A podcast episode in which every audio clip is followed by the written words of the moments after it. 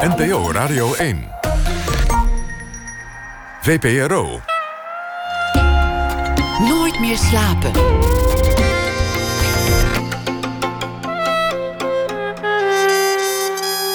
Met Pieter van der Wielen. Goedenacht en welkom bij Nooit meer slapen. Willem Voogd gaat laat naar bed vanavond, want hij is hier. De acteur komt na een uh, vertellen over de telefilm Get Lost, morgen te zien op televisie. Hij is uh, ook bekend van rollen in uh, de succesfilm Mace Case en Knieden op een bed violen. En hij heeft ook voorstellingen gemaakt over Jim Morrison en Sam Cooke. Documentairemaker Mark Smit vertelt over zijn favoriete scène in de filmgeschiedenis. Maar we beginnen komend uur met B.F. Tomezen, schrijver van boeken. Een aparte plek in zijn omvangrijke is weggelegd voor de oude boezemvriend J. Kessels. Een delenlange rood novel. Kessels en de schrijver namen ons mee van Azië tot San Francisco. Via de reperbaan in Hamburg. Terug naar Tilburg, Texas. En de plaatselijke snackbar al daar waar de frituurspetter het verlangen van beide jongens aanwakkerde. Drank, vrouwen, countrymuziek en de Bundesliga. En nu neemt het personage in dit deel wraak op de schrijver. Een ontboezeming, die vriendschap het over gaat, die is al lang terzijde. Die is er niet meer. Mede door het schrijven over de vriendschap is de vriendschap verbroken. Alleen de verhalen bleven maar komen. Ineens bedacht ik me toen dat Kessels misschien toch niet zo'n gekke plek inneemt in dat oeuvre van Tomezen. Want daarin gaat het toch ook altijd over verlies, herinnering en het gevecht tegen alles dat al lang voorbij lijkt. P.F. Tomezen, geboren in 1958. Hartelijk welkom. Ja, goedenavond. Wat is eigenlijk het moment dat je dat, je dat tegen jezelf zegt? Van die vriendschap is voorbij. We zijn ja, helemaal geen maatjes meer. Dat zei ik helemaal niet zelf. Dat zei, hij zei dat en hij zei het niet zozeer. Hij, hij deed het eigenlijk. Dus hij, Heeft het uitgemaakt? ja, op een hele, ja, voor mij eh, onbegrijpelijke manier. Zou maar zeggen. Hij eh, gooide de hoorn op de haak. En eh, toen dacht ik, dat is een misverstand. En toen deed hij het weer. Toen dacht ik, ik ga eens even wachten. Een weekje, twee weken. Gooide hij de hoorn weer erop. En ja, toen dacht ik, het zal wel over zijn. Je dacht, stik er maar in. Ja, nog ineens zo. Want ik had eerlijk gezegd wel... als schrijver heb je toch altijd een vaag schuldgevoel... over eh, wat je anderen aandoet met je, met je openbaringen. En, eh, dus ik was altijd wel eh, redelijk gevoelig... voor zijn terughoudendheid met mijn project. Dus, maar ik had niet verwacht dat dat na zoveel jaar... ik denk dat we elkaar toch wel vanaf 1980 kenden... na zoveel jaar, bijna 40 jaar... dat het dan ineens eh, niet meer hoeft. Het is een wonderlijke geschiedenis. Als het meteen was gebeurd, dan, dan had iedereen er wel zich iets bij kunnen voorstellen. Je maakt een boek over iemand die in werkelijkheid bestaat. Je maakt er een personage van. Dat wordt wilder en wilder. Het wordt misschien een karikatuur. Een stripfiguur zou je hem ook kunnen noemen. Mhm. Als diegene dan zegt, ja, daar heb ik geen zin in. Dat, dat begrijp ik nog. Maar dat het na zoveel jaar alsnog zich openbaart. Die frustratie. Ja, moet toch zou je aan hem moeten vragen. Hij, hij zal er geen antwoord op geven. Maar ja, mij verbaast het ook. Maar het, het heeft natuurlijk ook te maken met... Ja, een vriendschap eh, heeft ook zijn hoogtepunten. Hè? Net zoals een, een, een liefde zijn hoogtepunten kent. En daarna duurt hij wel voort. Maar eh, ja, ik ging natuurlijk al jaren niet meer met hem. Stapte ik in de auto eh, om met onbekende stem, bestemming te verdwijnen. Dus dat, dat, dat, dat onbegrensde daarvan was er toch al vanaf. Van onze beide levens ook. Dus, dus dat in die zin waren we al eh, sowieso aan het terugkijken op, eh, op onze wilde jaren. Maar dat deed ik altijd met veel plezier, moet ik zeggen. En, eh, en we hadden altijd, dacht ik, genoeg te bespreken over de bekende onderwerpen. Hè, de countrymuziek, de voetbal, vrouwen werd wat, wat minder. Wat, werd wat eenzijdiger, wat Ja. monogamer. Ja, er valt niet meer zoveel te bespreken dan op dat vlak. Misschien gaat het zo wel met mannenvriendschappen. Los van dat het uitmaken eigenlijk niet zo heel vaak gebeurt, maar dat het op een zeker ogenblik in een, in een soort loop terechtkomt. Dat het eigenlijk over, over een stuk bevroren tijd gaat. Nou ja, een- het mooie van een, van een jongensvriendschap is wel dat er, dat er eigenlijk geen progressie in zit. Hij is er meteen en hij heeft meteen een vast stramien. Ik, eh, wij deden toch altijd gewoon altijd hetzelfde. En eh, we hadden ook, voerden eigen- eigenlijk ook wel dezelfde gesprekken altijd. Maar dat, eh, dat, eh, dat heeft wel een zekere eh, prettigheid. Hè? Dat is het, ja, dus, eh, net zoals in een, in een bruin café staat de tijd ook stil. Hè? Je, buiten gaat de wereld door, maar in dat bruine café is het altijd eh, borreluur. En dat, ja, dat gevoel had ik in die vriendschap ook. Dat, dat het, door die stilstand vond ik zeer aangenaam. Dat je elkaar kent, weet wat er te doen staat, de rituelen staan vast. We doen het nog een keer. Ja, we schenken een biertje in. Maar ondertussen verandert het leven natuurlijk verandert wel. Hè? Het leven trekt zich van jou niks aan. Dus het, hè, je krijgt kinderen, je, weet ik wat, je wordt ouder, je, je krijgt uh, allerlei praktische zorgen. En dus het leven. En dat, dat gold voor hem ook en voor mij ook. Dus ja, je moet. Uh, dus, dus dat, die vriendschap wordt steeds. Uh, ja. Fantastischer. Hè? En dus daarom ben ik ook die boeken gaan schrijven, omdat het eigenlijk totaal ongelooflijk is wat wij hebben meegemaakt samen. En ik, soms moet, als, ik, eh, als ik het schrijf, moet ik me ook uh, realiseren van god dat het. Uh, dat, dat ik het was in die situaties. Hè. Dus dat, Wat misschien ook wel helemaal niet waar is. Misschien is het ook wel een verhaal geworden. En in, in die boeken is het zeker af en toe een verhaal geworden. Je maakt er ook wat van. Jawel, het is natuurlijk door de taal wordt door de, ja, de kunst, om te zeggen, wordt het, wordt het iets anders. Maar ja, ik moet tot mijn schade en schande wel bekennen dat het meeste wat erin voorkomt, dat dat wel uit eigen, eigen ondervinding is, uh, is uh, op het papier is gekomen. Dit, is niet aan mijn duim gezogen. Dus dat, uh, de avonturen, de reizen, de ja, het gedonder. Ja, het is, ja, als je het schrijft, wordt het sowieso iets anders. Dat houd ik ook bij, heb ik ook bij hele autobiografische dingen die ik schrijf. Ik, uh, ik zeg, die, die, dit is ook autobiografisch, maar dit is natuurlijk een roman. Maar hè, zoals Schaduwkind, wat dan over de dood van mijn, uh, mijn eerste kind uh, gaat. Ja, dat is natuurlijk toch anders. Het is toch een boek geworden. Daarom kan ik er ook uit voorlezen en weet ik wat. En, en, en, en, en daarmee optreden. Als het, als het als het, het, omdat het toch een boek is geworden, het is toch een verhaal geworden. En, en dat, dat schept die afstand. En dat, dat maakt het mogelijk überhaupt om over dingen te praten voor mij. Dat, het, uh... Wat je zegt over een bruin café, dat zou dus ook over de literatuur kunnen gaan. Een plek waar je kunt vluchten en waar je de tijd kunt tegenhouden. Oh ja, zeker. Want het, het, ook letterlijk, je leest ook heel makkelijk een boek wat wat ouder is waar mensen nog eh, met een rijtuig zich uh, verplaatsen, daar heb je de, minste. Uh, ik heb eigenlijk niet de minste of geringste moeite mee. En die mensen die nog bediendes hebben of bedienden zijn, ja, daar, daar pas je toch moeiteloos aan aan. Dus dat, dat, dat vind ik juist een van de. In een film is dat moeilijker. In een film wordt het al. Dan zit je naar die kostuums te kijken. Maar als ik een, ja, weet ik, een roman lees van, van Dostoevsky... dan zit ik zo in Sint-Petersburg in de vuiligheid. En uh, die knechten die slapen dan op een kleedje voor de deur. En de paardenknecht slaapt uh, in het stro bij de paarden. Ja, dat, uh, de, en iedereen, iedereen, is dronken natuurlijk, of gek. Ja, daar ben je heel snel aan gewend. In die zin maakt het ook niet uit dat de vriendschap voorbij is. Je zou nog een heel leven over, over hem kunnen schrijven. Je zou ja, een heel leven die verhalen kunnen kunnen blijven oprakelen. Ja, hij, ja, hij, hij, is, hij is beter dan ooit, vind ik.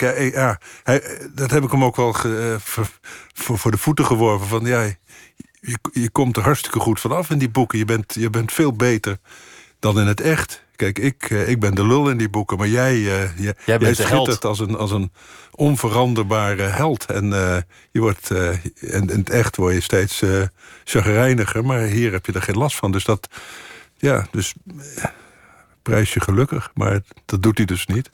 Ik hoor dit zo vaak van schrijvers over, over ouders die boos zijn over het verhaal dat is geschreven of dat ze een personage zijn geworden. Er is geloof ik wel eens een rechtszaak, nee weet ik zeker, er is een rechtszaak over gevoerd. Een moeder die niet wilde dat, uh, dat Emma Curvers was dat geloof ik, dat het boek verscheen. Ja, en Wellebeck, dat heeft geloof ik die moeder zelf een boek gaan schrijven tegen hem weer. De enige fout die ik in mijn leven heb gemaakt is dat ik dit gedrocht heb gebaard of zoiets, zei ze toen. Oh ja, ja. Heel, heel aardig. Weet je wel van wie hij het heeft trouwens? Ja. Maar daarmee gaat dit boek ook over wat literatuur is. En hoe, hoe lang dat eigenlijk nog mag bestaan. Dat je zomaar de werkelijkheid beetpakt en er iets van maakt. En dat je zomaar verhalen vertelt. En, en dat jij als schrijver zomaar in mag grijpen in andermans leven. Al is het maar een fictief persoon zelfs. Mag jij je wel inleven in iemand anders? Ja, ja maar dat is, dat is precies. Kijk, uh, van. Uh nou, kijk, van iemand die betrokken is, snap ik het nog wel. Want je, je, je hebt toch altijd de illusie dat je zelf de regie over je leven voert. En dat er misschien uh, andere mensen zich ook met je leven bemoeien. Je eigen vrouw of weet ik wat, daarbij dan nog wel mee. Ja, daar ga je nog wel mee akkoord. Maar dat er zomaar iemand in een andere stad achter een toetsenbord gaat zitten. en, en, en jouw leven gaat beschrijven. Ik denk dat voor, voor iemand als Kessels dat het juist vervelend is dat het zo lijkt. Als het nou helemaal verzonnen was, als het een totale van de pot gerukte figuur was geworden die niks met hem te maken heeft, alleen een naam draagt die uh, verwantschap vertoont met de zijne, dan, dan had hij daar denk ik minder moeite mee gehad dan dat het lijkt. Want nu lijkt het heel erg en het lijkt toch niet helemaal. Hetzelfde als een, een foto van je in de krant. Dan denk je, god, waarom heeft hij die nou afgedrukt? Ik, ik, ik kijk bijna nooit zo. Of, uh, hè? En, uh, dus dat. hij is natuurlijk toch ergens betrapt. Juist omdat ik hem ge, ge, geraakt heb. En, dus dat begrijp ik ook wel. En dat is, dat is ook heel vervelend. Ik denk dat voor ouders, hè, die, die Emma Curves weet ik dan niet, die ken ik niet, dus misschien ook, die verdient het misschien. Maar over het algemeen, hè, ik weet ook wel, bij Gerard Reven werd ook wel de anderen gezegd die vader is toch helemaal niet zo erg. Was best wel een geestige, charmante man. En, en door Gerard is die neergezet als een, uh, ja, als een, zwakzinnige. Dat, uh, daar moet hij dan de rest van, zijn, van de eeuwigheid met mee doen. Dus dat, ja, dat, is, dat is oneerlijk en onrechtvaardig. En dat, dat is een risico dat, dat je loopt door in de buurt van de schrijver je op te houden. En de, maar dat andere wat je zegt, dat niet mogen... de mensen die protesteren, denk dat het een algemeen probleem is van onze maatschappij. Dat mensen zich voortdurend over alles aangesproken voelen. Ook al heb je het helemaal niet, niet over. Ik geloof dat ik juist vaak mensen beledig... die ik echt nog nooit in mijn gedachten heb gehad... maar die zeker weten... Die zichzelf herkennen en dan denken... weten dat het over hun gaat. Ja. Wat, flik je me nu? Ik had het met Vladivostok. Dat is een, een politieke roman, een mediaroman is het eigenlijk meer. Maar goed, politieke media lijken ook wel heel erg op elkaar. En daar waren heel veel mensen heel kwaad over die, die, die dachten dat ik hun had geportretteerd. En, uh, ja, maar dat is ook een compliment op een gekke manier. Compliment aan de schrijver als iemand denkt dat het over hem gaat. Ja, maar dat is natuurlijk zo werkt literatuur natuurlijk. En zo werkt ook die, die, die, die identificatie. is natuurlijk een heel belangrijk uh, proces in, in, uh, in het lezen. Als jij niet aan identificatie doet, kom je niet in een boek. Dus je, je, je, je, je, je wordt meteen verleid om partij te kiezen in een boek. Dat doe je ook in een film, dat doe je ook bij een voetbalwedstrijd. Je kiest altijd, uh, ja, je moet voor iemand zijn, met iemand meeleven, met, je met iemand associëren. En daardoor gaan die mensen, eh, die mensen, dat doe ik zelf ook, gaan, mensen denken: dit boek gaat over mij. Ik weet ook nog wel toen ik voor het eerst Gerard Reven werd in Nederland las. Ik dacht, hoe weet die Reven dat? Dat heeft nog nooit iemand zo opgeschreven, maar zo voel ik het helemaal. Zo hebben, zo, dit is mijn jeugd.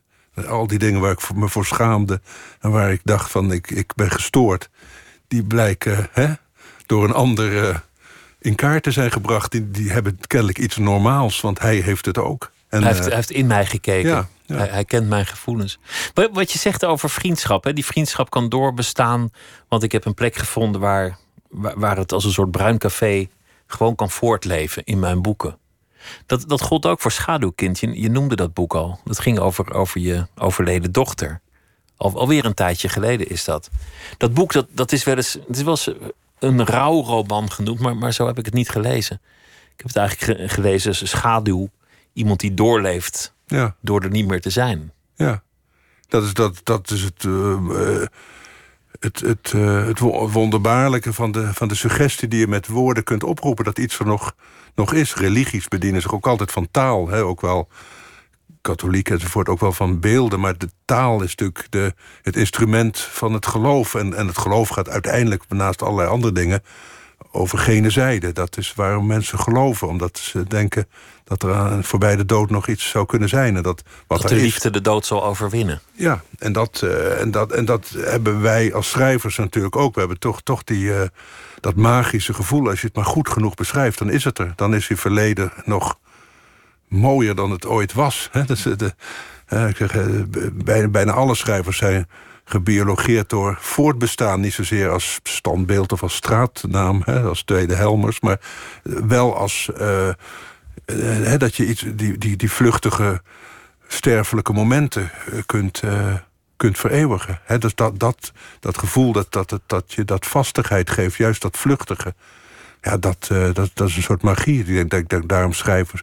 Je bent ook het, altijd het meest gebiologeerd dat je iets alledaags tegenkomt in de kunst. Hè? De, de, de, Hollandse schilderkunst van de 17e eeuw is volgens mij daarom ook zo beroemd geworden, omdat het over potten en pannen gaat en een, en een gebakken ei.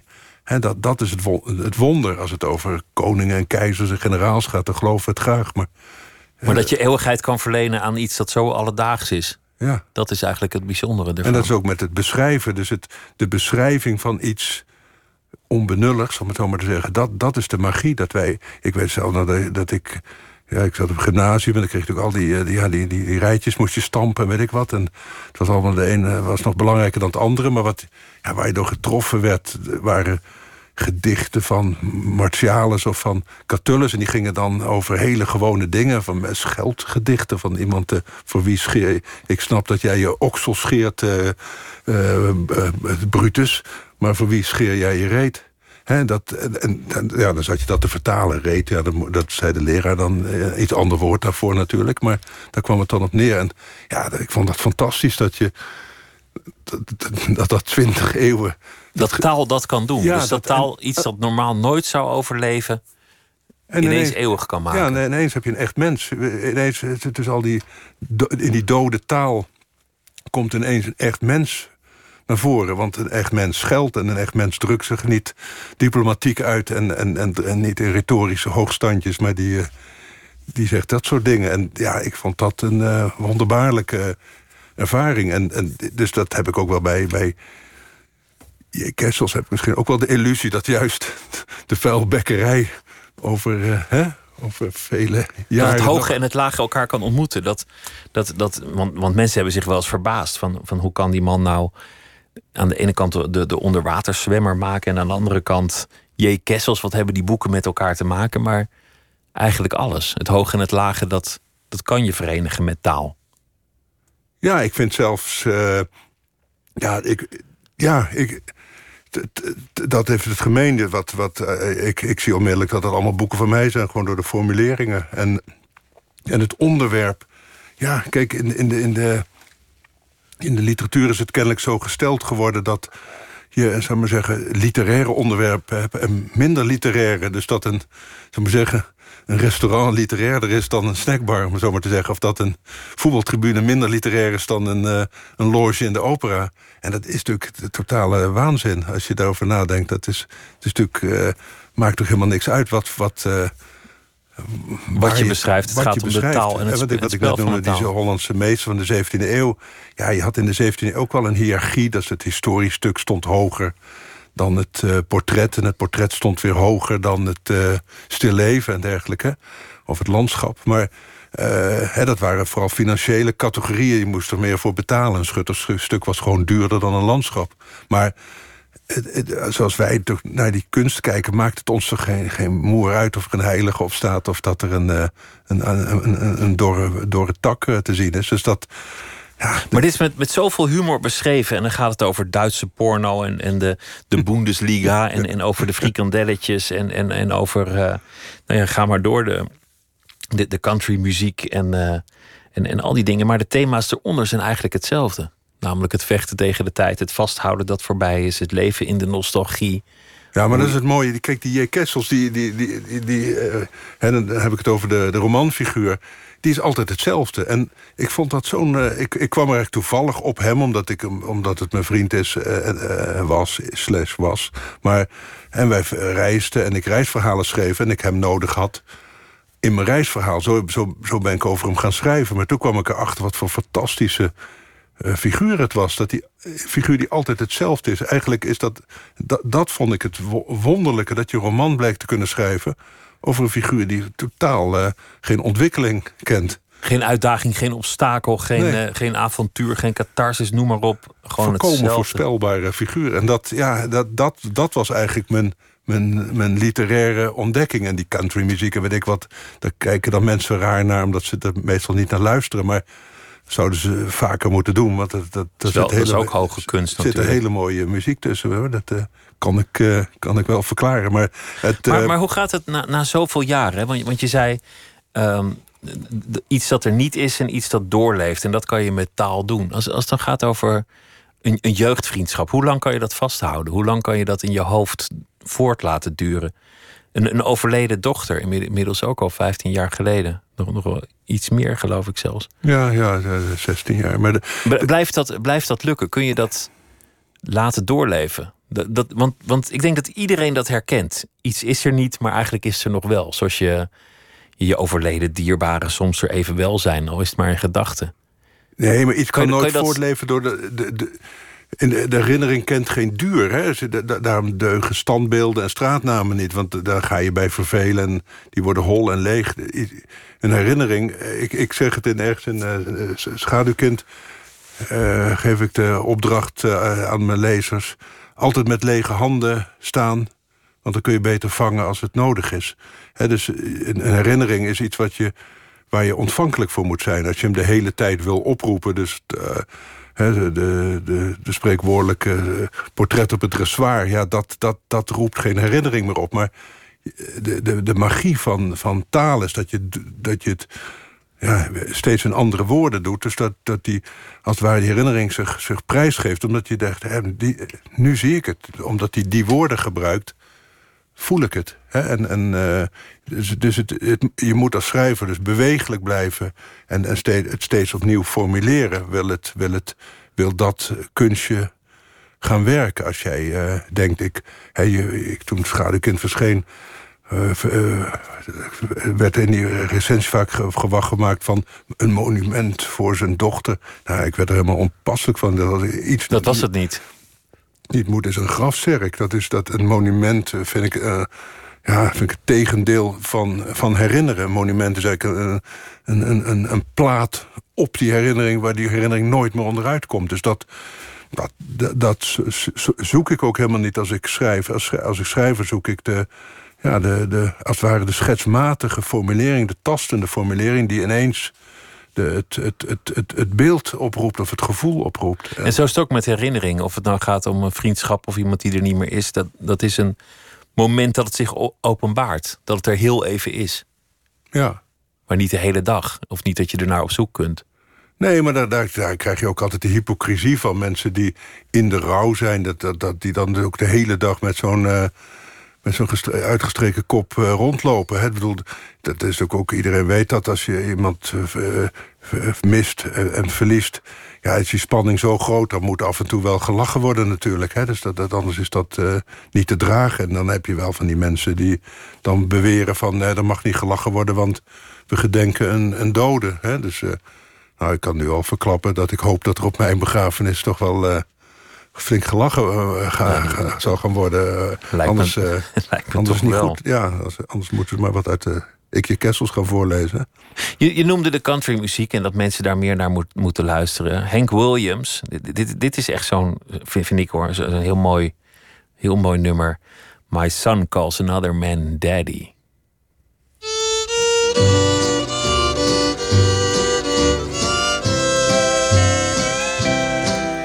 Tonight my head is bowed in sorrow I can't keep the tears from my eyes. My son calls another man daddy. The right to his love I've been denied. My son calls another man daddy. He'll never know my name nor my face. God only knows how it hurts me for another to be in my place. Each night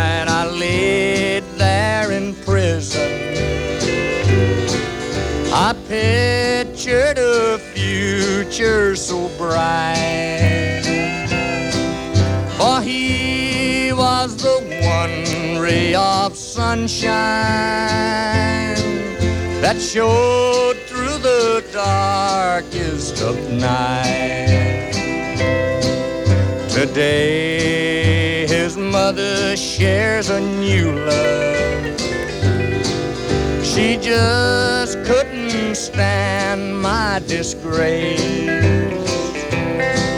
My son calls another man daddy, and longs for the love he can't replace. My son calls another man daddy. He'll never know my name nor my face. God only knows how it hurts me for another to be in my place. Hank Williams, My Son Calls Another Man Daddy. P.F. Tomees is de gast vanwege Ik, J. Kessels. Het personage neemt wraak op de schrijver, neemt het over en eh, levert bij de uitgeverij, geheel buiten het weten van de schrijver zelf, een manuscript in. En zo ontstaat deze literaire strijd. Wie mag eigenlijk wel over wie schrijven? Wie bepaalt dat? En eh, de schrijver die in wanhoop uitroept. Anders dan schrijft de lezer toch verdorie dat boek zelf, maar als hij het allemaal zo goed weet. En zo eh, lopen feit en fictie weer hopeloos eh, door elkaar in dit boek dat uiteindelijk gaat over een verbroken vriendschap. Een vriendschap die eeuwig zal doorleven. De twee jonge mannen met hun wilde avonturen. Maar de vriendschap is niet meer. Je haalt eh, aan het eind, dat, dat kan ik wel verklappen, denk ik. On the Road aan van Jack Kerouac. Een boek dat je als jonge man las, dat, dat enorme indruk maakte. Dat ook een rol speelde in die vriendschap. Ja. Met, met de mooiste slotscène, volgens jou, uit de literatuurgeschiedenis. Over Sal en Ja. Dean, die heel Amerika zijn afgereisd. En die, eh, die dan geen vrienden meer zijn. Ja. En dan eh, vertelt de, de verteller dat hij er toch altijd zal zijn, ook al is hij er niet meer. Dat hij altijd aan hem zal denken. Ja. Prachtige jongensromantiek. Ja. Heb je, heb je dat zelf ook nageleefd on the road? Is, is het ook gelukt om, eh, om zelf een beetje zo te worden destijds, toen je jonge man was? Ja, ik, ik, dat, de, onze, de kern van onze vriendschap heeft, had daarmee te maken. Dat we bleken allebei met, eh, met eh, on the road in onze rugzak door Amerika te zijn gereisd. Ik met de Greyhound en hij had, geloof ik, een vliegtuig deal dat hij, eh, weet ik wat, in vijf steden kon landen of zo. En ik ben met zo'n zo'n Greyhound er dwa- dwars doorheen gegaan. En, eh, ja, dus dat wel met dat, met die, eh, met dat verlangen. Maar zo is Kerouac zelf ook gegaan.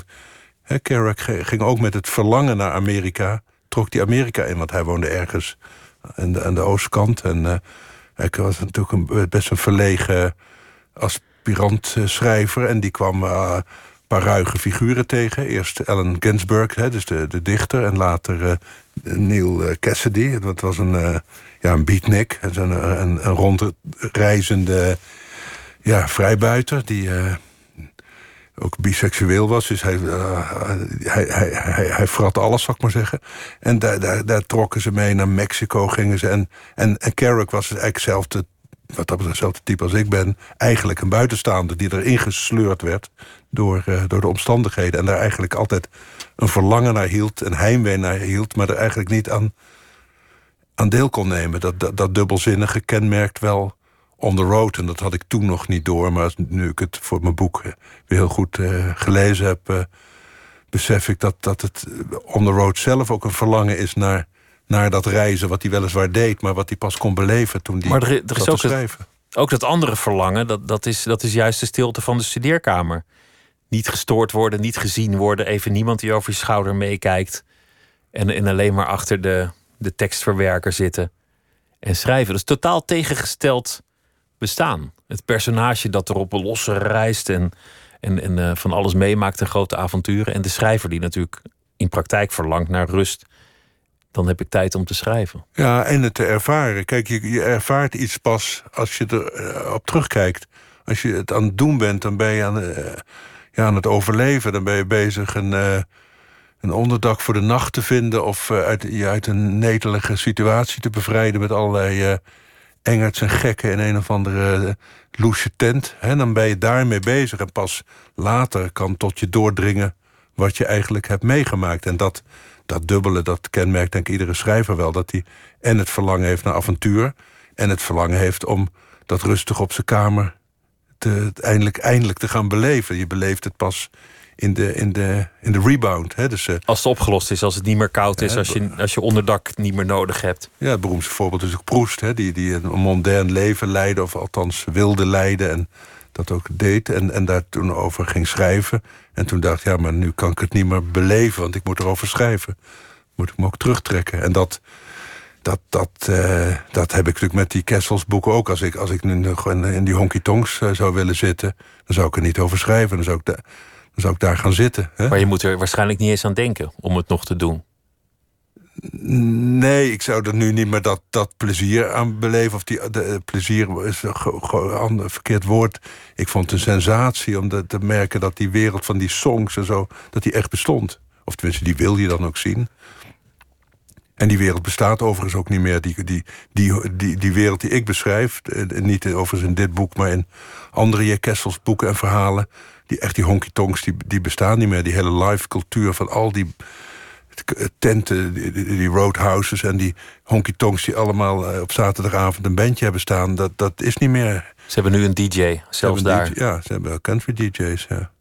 En, en, en wat er nog is aan optredens en van die grote, succesvolle dingen in, in stadions en, en, en, en, in Nashville enzovoort. En die, oh, en die grote zalen. Maar de, de, de- die romantiek van zo, ja, zo'n zo'n tentje la- langs de, langs de highway.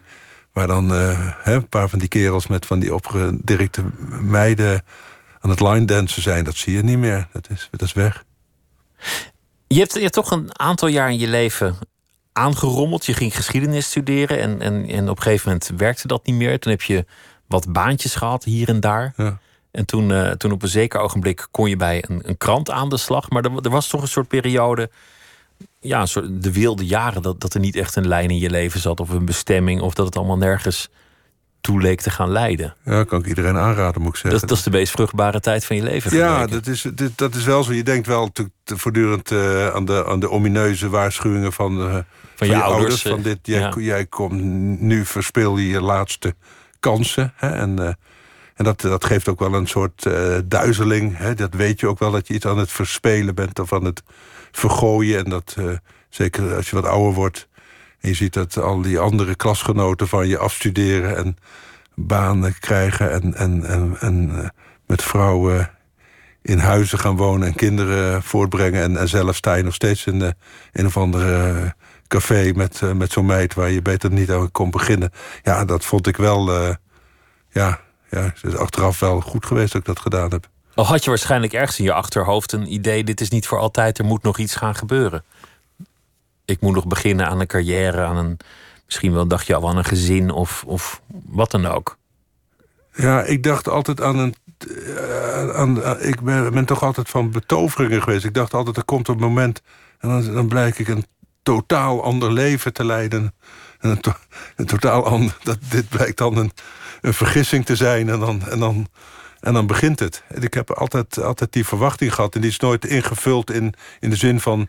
Dan, dan eh, eh, schrijf ik een boek of dan krijg ik daar een prijs voor... of dan kom ik op een bestsellerlijst of dan mag ik bij eh, in een talkshow gaan zitten... Dan, dan zou ik er nooit aan begonnen zijn. Dat soort dingen. Waar, waar- Dat was, niet meer, de motivatie. Nee, het was meer iets, iets, iets on, on- ondefinieerbaars. En, en achteraf denk ik dat het, dat het was... dat ik verlangde naar mezelf...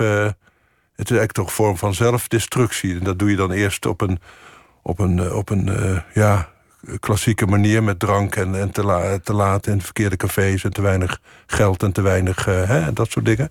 En later neemt dat de vorm aan van de zelfdestructie op papier. Dat je als het ware je eigen bestaan ondergeschikt maakt aan je papieren bestaan. En hè, mensen vragen zich wel eens af hoe komt die, die vent ertoe om En schaduwkind te schrijven. Jij noemde het net ook, of Onderwaterzwemmen. Dat soort eh, boeken die dan serieus worden genomen.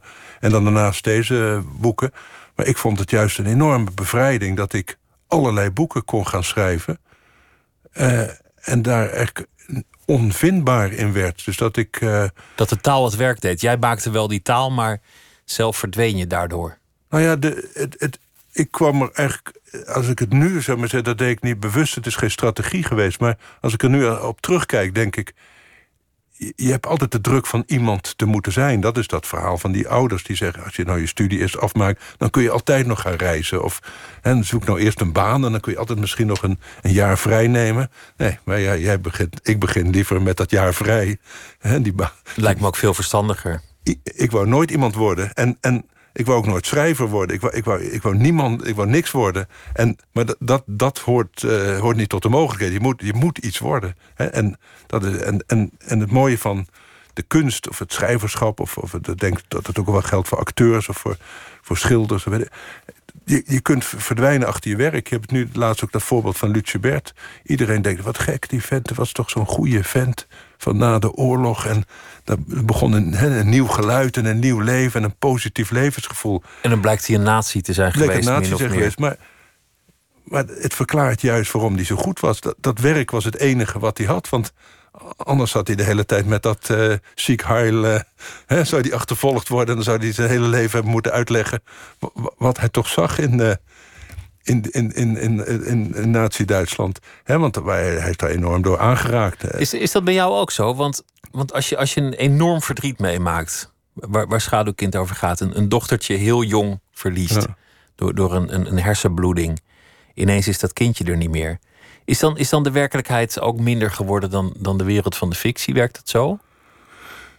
Ja, je, je, ik, wij verloren allebei, moet ik zeggen, wel onze, even onze uh, apathie voor, voor allerlei dingen die mensen belangrijk vinden. Van overal bij te zijn, allerlei feestjes af te lopen en de, alle laatste roddels te horen enzovoort. Al die dingen die vaak van het hoogste belang zijn in, in een mensenleven daar waren we wel, dat waren we wel kwijt. En dan denk je even, ja, waar, waar ging het eigenlijk over? En dan, dan zit je meer in een binnenwereld, blijk je te zitten, dan in een buitenwereld.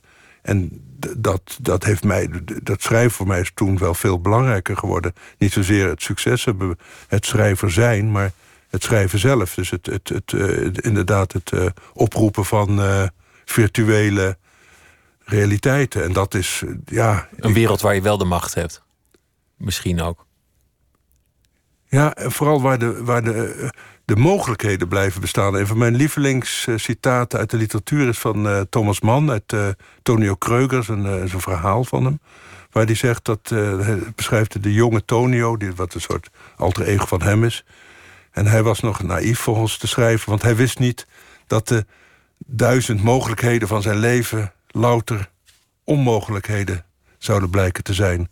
En dat, dat besef van, hè, want wat je, als je ouder en wijzer wordt, dan weet je, nee, dat gaat zo niet en zo werkt dat niet. En denk nou even na voor, want hè, alles, alle, al die deuren worden dichtgeslagen als je ouder wordt. En als, als schrijver hou je al die deuren open.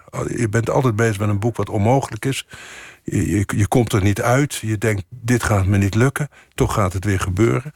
En dat, dat, dat is toch het, het steeds weer uh, optreden, de wonder en, en, de magic, zoals Nabokov dat noemt, van het schrijven. Dat er iets gebeurt wat jij niet had kunnen voorzien. Wat, wat, wat, uh, wat weer uh, ja, boven jouw macht blijkt te gebeuren. En, en, en dat, uh, daar vertrouw ik liever op dan op de zekerheden van een. van de werkelijkheid, van het, ja. van het bestaan. Het is misschien ook wel, ook wel bevrijdend als dat, als dat bestaan een keer zich echt lelijk tegen je keert dat, dat, dat, dat, dat er iets onbevattelijks naars gebeurt, wat ook alleen maar naar is, dan, dan heb je soort van de bodem geraakt. En vanaf dat moment ben je misschien ook, ook een beetje bevrijd. Ook dat, hè? je kunt ook zeggen dat dat hebben we dan weer uh, gehad of zoiets. De, de, nou ja, de, Erger wordt het niet of zo? Ja, van de, hè, die eigen dood zou bijna nog een verlossing zijn of zoiets. Hè? Dat soort pathetiek uh, overvalt je dan wel in het begin. Maar uh, dat, eh, dat gaat gelukkig ook wel weer uh, voorbij, moet ik zeggen. Maar dat, dat, dat zeker, ja. ja. Er is afgelopen week einde iemand overleden. Michael de Jong was dat. Die, die is hier te gast geweest. Een, een Nederlands-Amerikaanse blueszanger. Man met een fantastisch levensverhaal. Was ook hier te gast twee jaar geleden. Heeft toen een uur verteld over al zijn avonturen. Hij heeft ook gezongen in in deze studio, of, of in de vorige studio, maar dat maakt niet uit. Een uh, dierbare herinnering en uh, daarom wilde ik ook een nummer laten horen van hem en dat heet uh, Prime Time.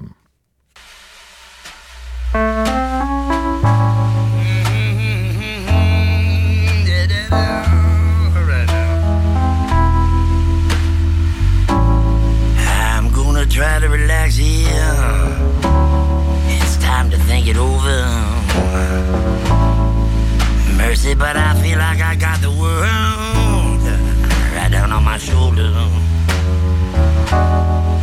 I swore it was gonna get better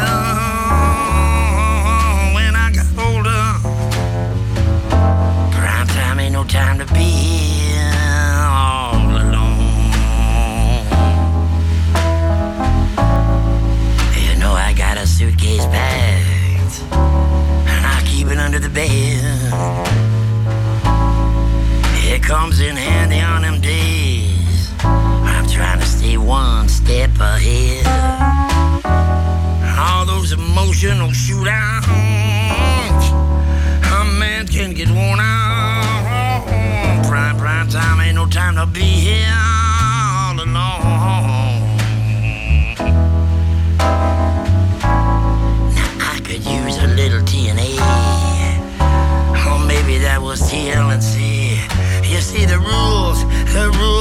they keep on changing about what love's supposed to be.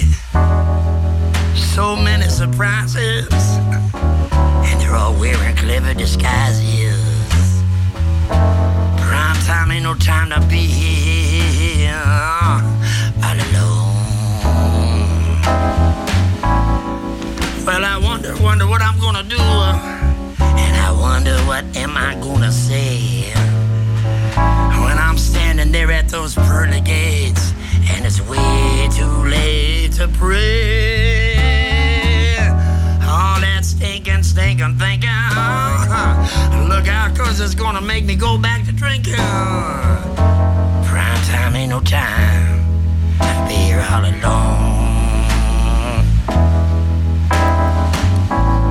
Now you know this world keep on turning, it is a natural fact. Something you're gonna lose in this life, and it never, never, never, never, never, never, never coming back. I ain't getting no younger. Oh mercy, Lord, don't let it last much longer. Prime time ain't no time to be here all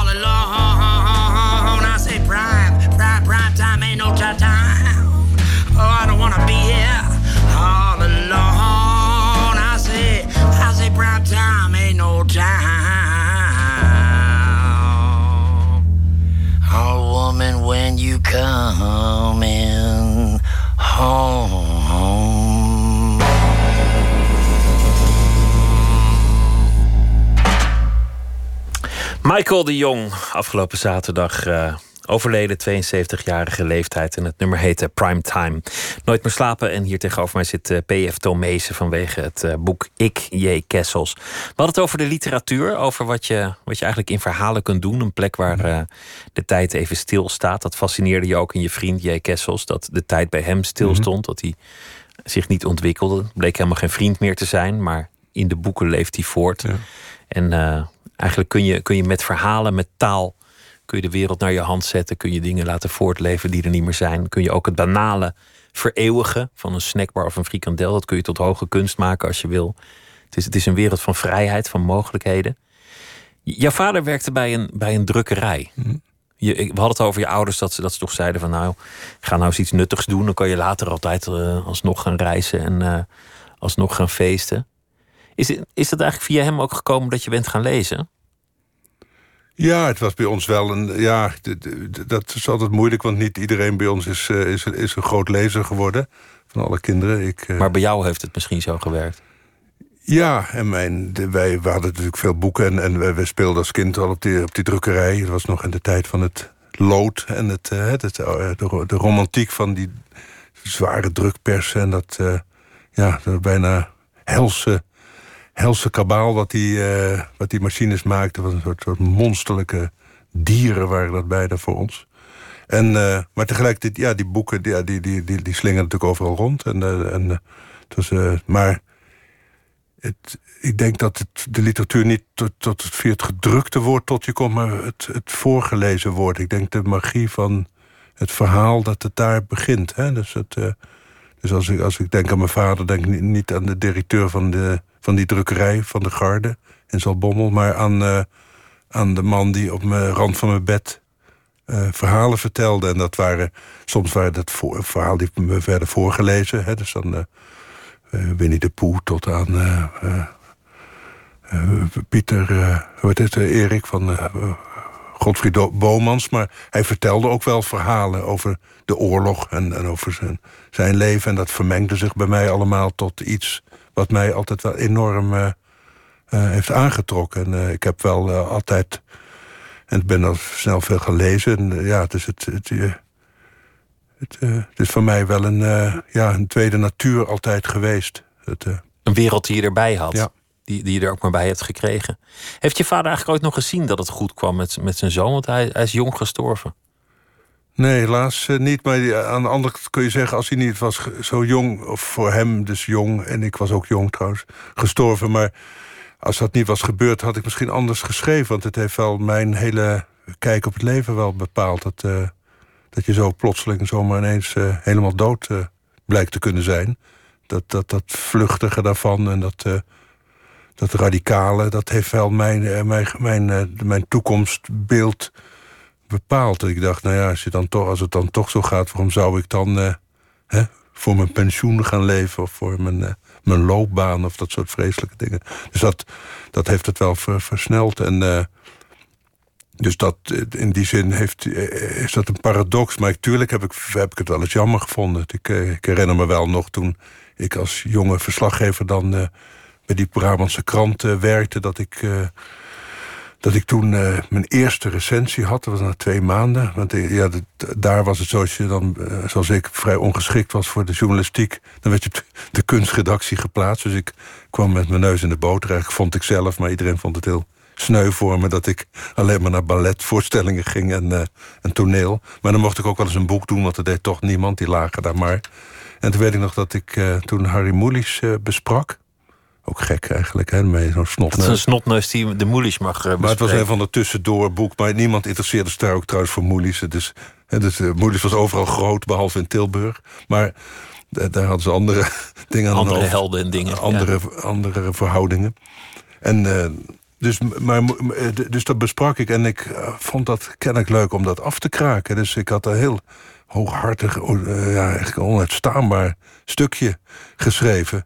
Wat echt ja, nergens op sloeg. Dat die moeder, wat erop neerkwam dat hij toch nog wel best wel veel te leren had, wat mij betreft. Het was in de tijd dat hij PC Hoofdprijs kreeg. Met dat, dat, dat, is jeugdige overmoed, dan doe ja. je dat. En mijn vader kwam dat toen, weet ik nog wel, die kwam toen een keer met mij langs. En ik woonde op kamers toen in, uh, in uh, Eindhoven. En hij kwam toen bij mij uh, op bezoek.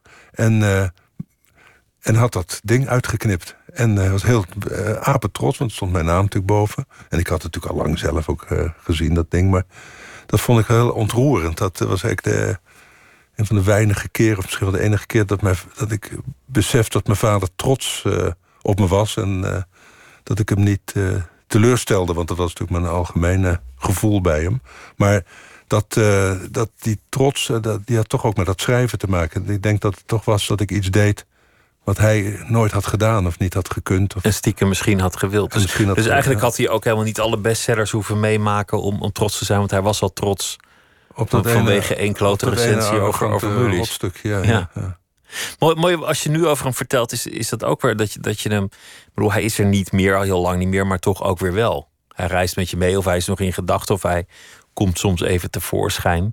Ja. Dat is ook weer die, die schaduwwereld. Ja, maar dat, dat, komt, dat is natuurlijk de paradox van van als je ouders, mijn, mijn moeder ook overleden dit jaar. Dus als, je ouders er niet meer zijn, uh, ben je vrij. Hè? Dus het heeft, het, heeft iets heel droevigs dat die levens geweest zijn en, en, en, en, en uh, tot niks meer zullen leiden enzovoort. Maar aan de andere kant, uh, je kunt ze ineens je toe-eigenen. Je bent ineens de, de, de, de, meerdere van je ouders. Die ouders zijn afhankelijk van mij geworden. Dat wat ik over ze denk. En, en dat heeft ook al een, uh, iets, iets, uh, iets heel moois. Dus de, ook alle boze gevoelens die je ook altijd ten opzichte van je ouders hebt, denk ik. Die, die, die, die verdwijnen dan ook. Omdat het, je denkt, ach, die arme, die, die arme zielen, hè, ze liggen ergens onder, onder de zoden. En ja, als ik niet meer aan ze denk, dan of mijn, andere familieleden. Maar dan, zijn ze er niet dan meer. zijn ze er niet meer. Dus ik, je hebt ook wel iets, het heeft ook wel iets iets, eh, iets religieus bijna, iets, iets verheven taak. Je, je draagt ze voort. En eh, dat heb ik, zeker omdat mijn vader zo snel ertussenuit piepte...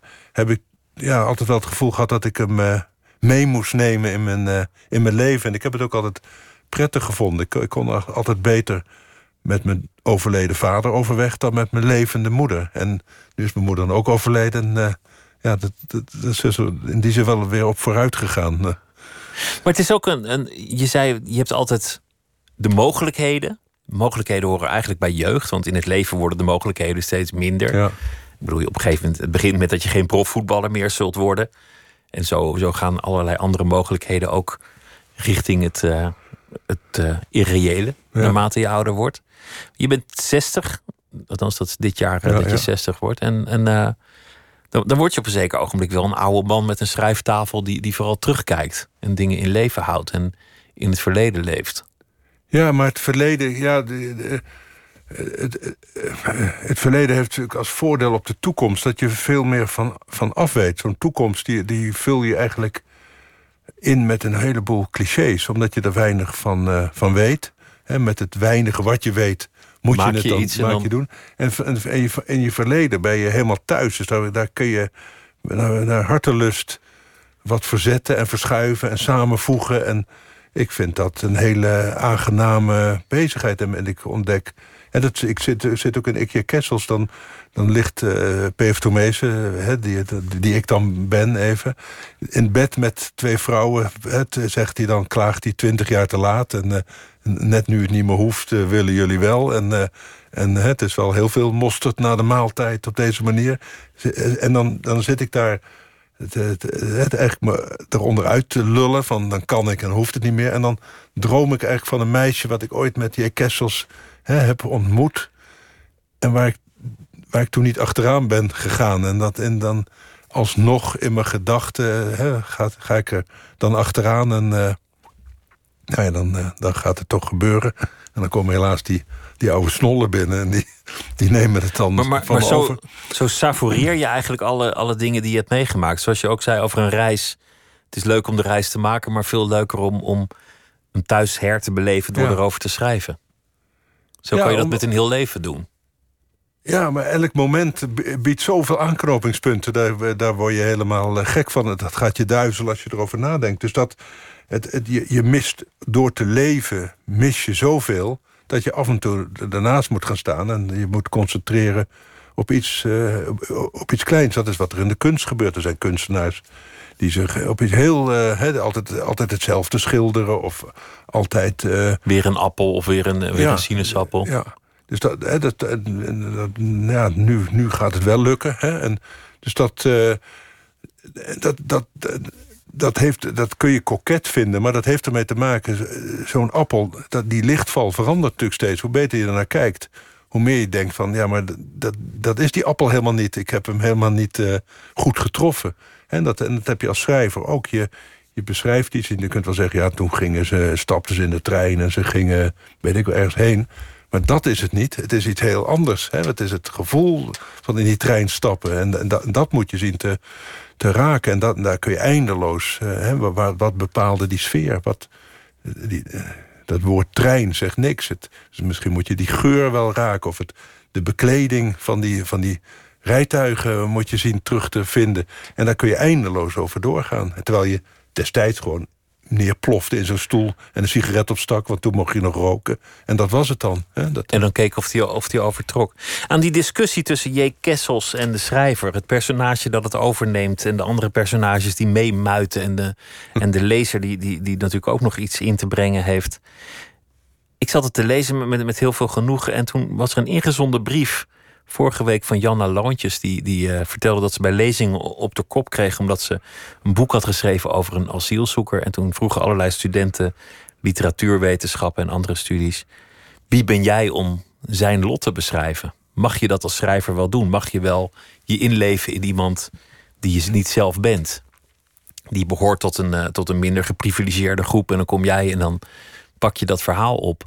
En ik vond het dan mooi, die, die, die verwevenheid van moraal en literatuur. ja.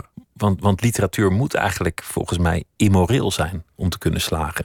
Nou ja, het zijn aparte categorieën. Als, als je de, de, de, de literaire personages aan dezelfde wetten onderwerpt als, uh, als rechtspersonen, dan zou er weinig van hun overblijven. Want uh, dan zouden ze binnen alle, alle perken moeten opereren. Want buiten de perken opereren betekent strafbaar zijn of weet ik wat. Hè? En uh, ja, alles wat ons fascineert natuurlijk aan, romanpersonages... is buiten de lijntjes. Dat fascineert ons, wat ze binnen die lijntjes doen. Dat, uh, dat geloven we graag. Daar ga je echt een boek voor lezen. He, dus, dus, het begint buiten de lijntjes. Dus het, in, het, in de wereld waarin... In onze wereld is er, is er een moraal, maar in die boekenwereld niet. Dus laat ik zeggen, in die boekenwereld...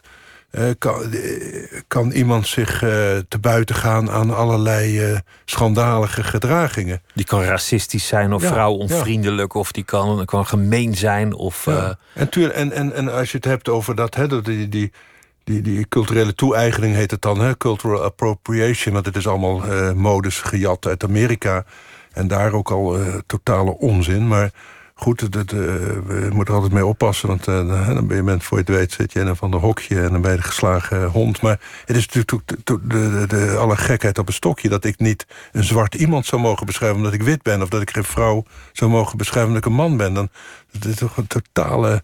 De enige, de enige vraag die eigenlijk is dat. telt is of het goed is. Of je het goed doet. Ja, maar wat het, dat ook zijn mogen. Ja, maar het verplaatsen in een mogelijkheid... Dus, uh, dat is toch het wezen van van wat er gebeurt in een roman. Dus, het, het dus ja, wat, wat je mag beoordelen is het geloofwaardig. Je kunt zeggen, ja, die, die vent die beschrijft geen uh, zwarte... maar die beschrijft een zwarte Piet. He, die, die weet er niks van. He, zo zo, zo zou ik uh, door de mand kunnen vallen als schrijver. Dat, ja, hij weet niks van countrymuziek. Hij doet net alsof. Maar hij weet nog ineens dat die gitarist... Uh, helemaal nooit met die of die heeft gespeeld. En dan maar dat heeft met geloofwaardigheid te maken. Een romanschrijver heeft alleen met...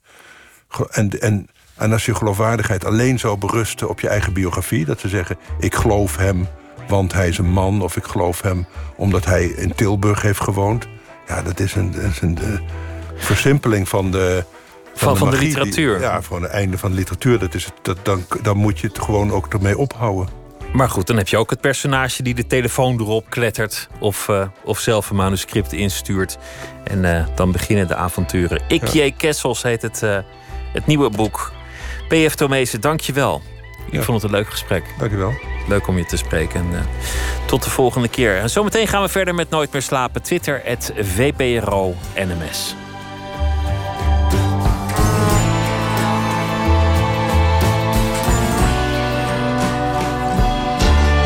Radio 1, het nieuws van alle kanten.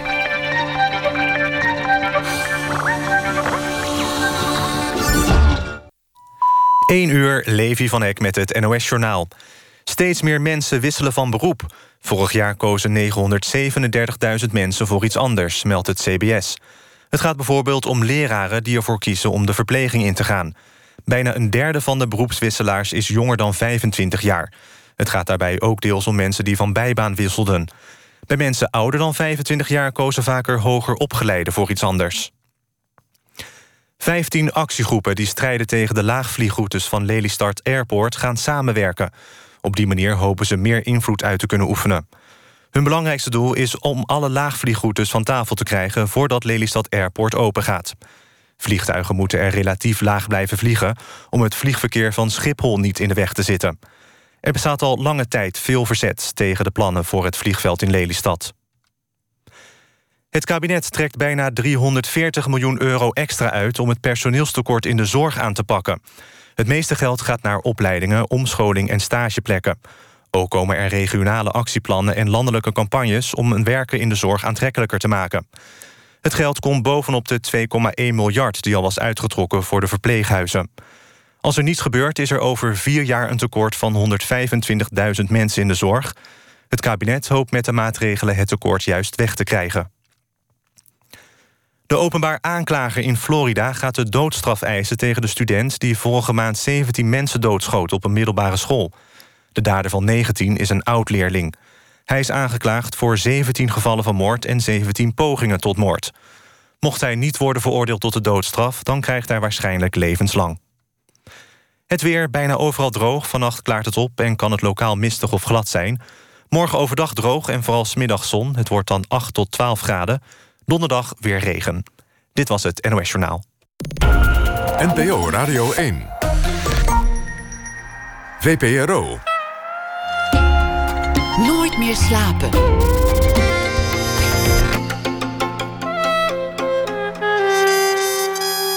Met Pieter van der Wielen. Een nieuwe lichting telefilms in het teken van de liefde. Get Lost is er een van. Gaat over liefde in tijden van keuzestress. Willem Voogd is een van de hoofdrolspelers en die is hier zometeen te gast.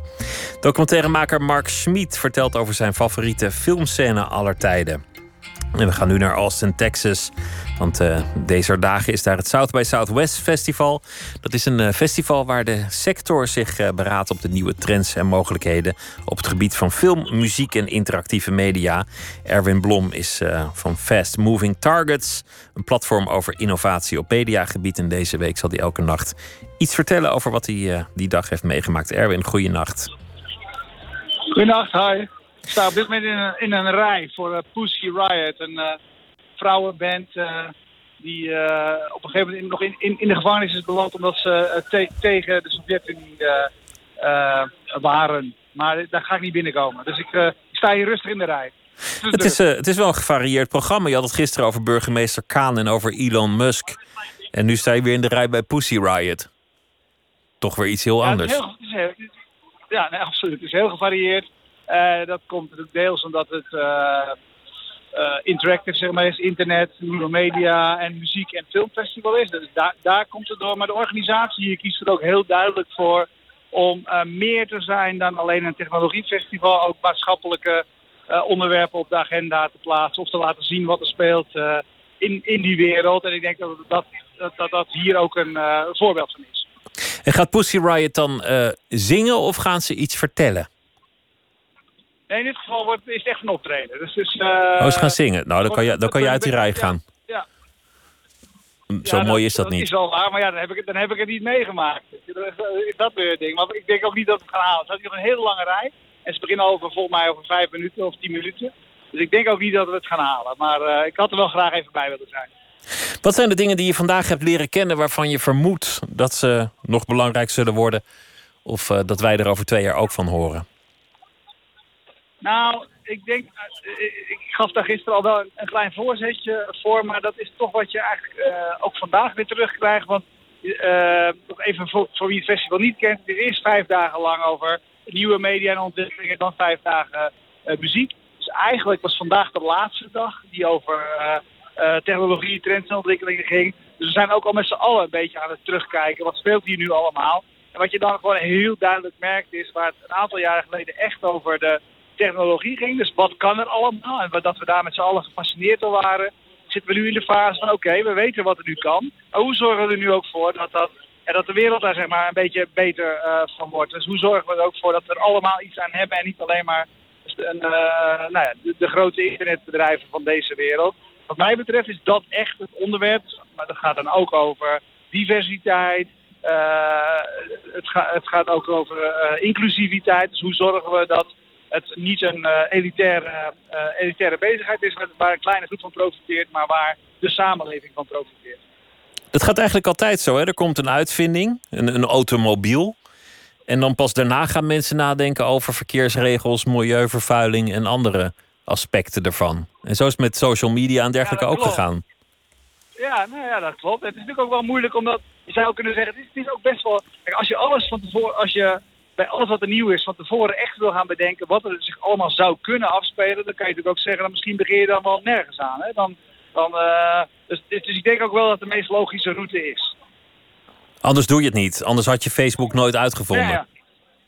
Nee, dat is natuurlijk altijd. En, als je de, en dit zijn natuurlijk wel heel veel mensen die hier zitten die, die bereid zijn om risico's te nemen, bereid zijn om een nek uit te steken, et cetera. Als diezelfde mensen aan het begin van een idee of een plan zouden gaan zeggen van wat kan er nu allemaal precies uh, het gevolg van zijn? Of uh, wordt dit wel een succes? Er zijn mensen die ook wel met een, met een geloof van start gaan. En soms word je teleurgesteld uh, in dat geloof. Merk je nou dat die, die techbedrijven die daar, die daar ook zijn, hè? want Facebook spreekt en, en al die andere giganten zijn er ook. Merk je nou dat ze echt bereid zijn om, om daarover na te denken? Of, of is dat meer dat ze het lippendienst bewijzen en gaan ze toch voor het geld uiteindelijk? Hoe komt dat op jou over? Nou, dat kan ik of die bedrijven eh, zeg maar te vertrouwen zijn of je dat dat dat ben ik dat, dat weet ik niet. Maar wat je wel ziet dat gewoon de, de hele community zeg maar de mensen die met dit onderwerp bezig zijn, eh, je, je, je kwam geen eh, panel tegen, geen spreekbeurt tegen waar dit onderwerp niet speelde. Dus je zou als het als je hoopvol bent, zeg je als al die mensen dit zo eh, belangrijk eh zetten, dan gaan we met z'n allen ervoor zorgen dat die bedrijven wel iets anders moeten gaan doen. Daar heb ik, ben ik eerlijk gezegd best wel optimistisch over. Eh, dat, dat merk je bij Facebook zelf ook al op dit moment. Want eh, eh, het loopt op een bepaalde manier leeg. Ze hebben alleen maar kritiek en dat willen succesvolle mensen uiteindelijk ook niet. Hè? Mensen moeten het wel een sympathiek eh, forum blijven vinden. Erwin Blom, dankjewel. Nou ja, eh, Oké, heel graag. Ja, wat wilde je zeggen? Sorry? Oh ja, de rij voor eh, Pussy Riot. Ja, ja dat is, eh, en dan eh, daar praten we morgen verder bij. Nou, eh, veel plezier met de muziek van Pussy Riot. En eh, sterkte. Ja, dankjewel. Erwin Blom, dankjewel. Goeienacht. We gaan luisteren naar Eddie Soliman. En dit nummer heet Memories. I think I'm gonna die in this building. Tears fall from my eyes in this building. Cause all that I'm thinking and all that I'm feeling are these emotions that I've been keeping about you and world. How I let it fall through my fingers, and now I feel so worthless in life without you. And it hurts.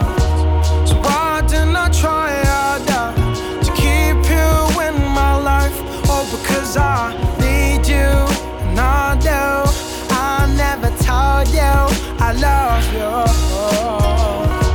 So why didn't I try harder to keep you in my life? Oh, because I need you, I, I do. I never told you I loved you. Looking back over memories, I should have tried not to let you leave. But I know it's my fault, cause I know that I let go. Looking back over memories, I should have tried not to let you leave. I know it's my fault, cause I know that I let go. So should I take this chance today to rid myself of all this pain and stop this breathing? Chair open ceiling. You know that your voice still echoes around the walls of my skull. And it's a bitter pill to swallow. And now I'm numb, fucked, and hollow.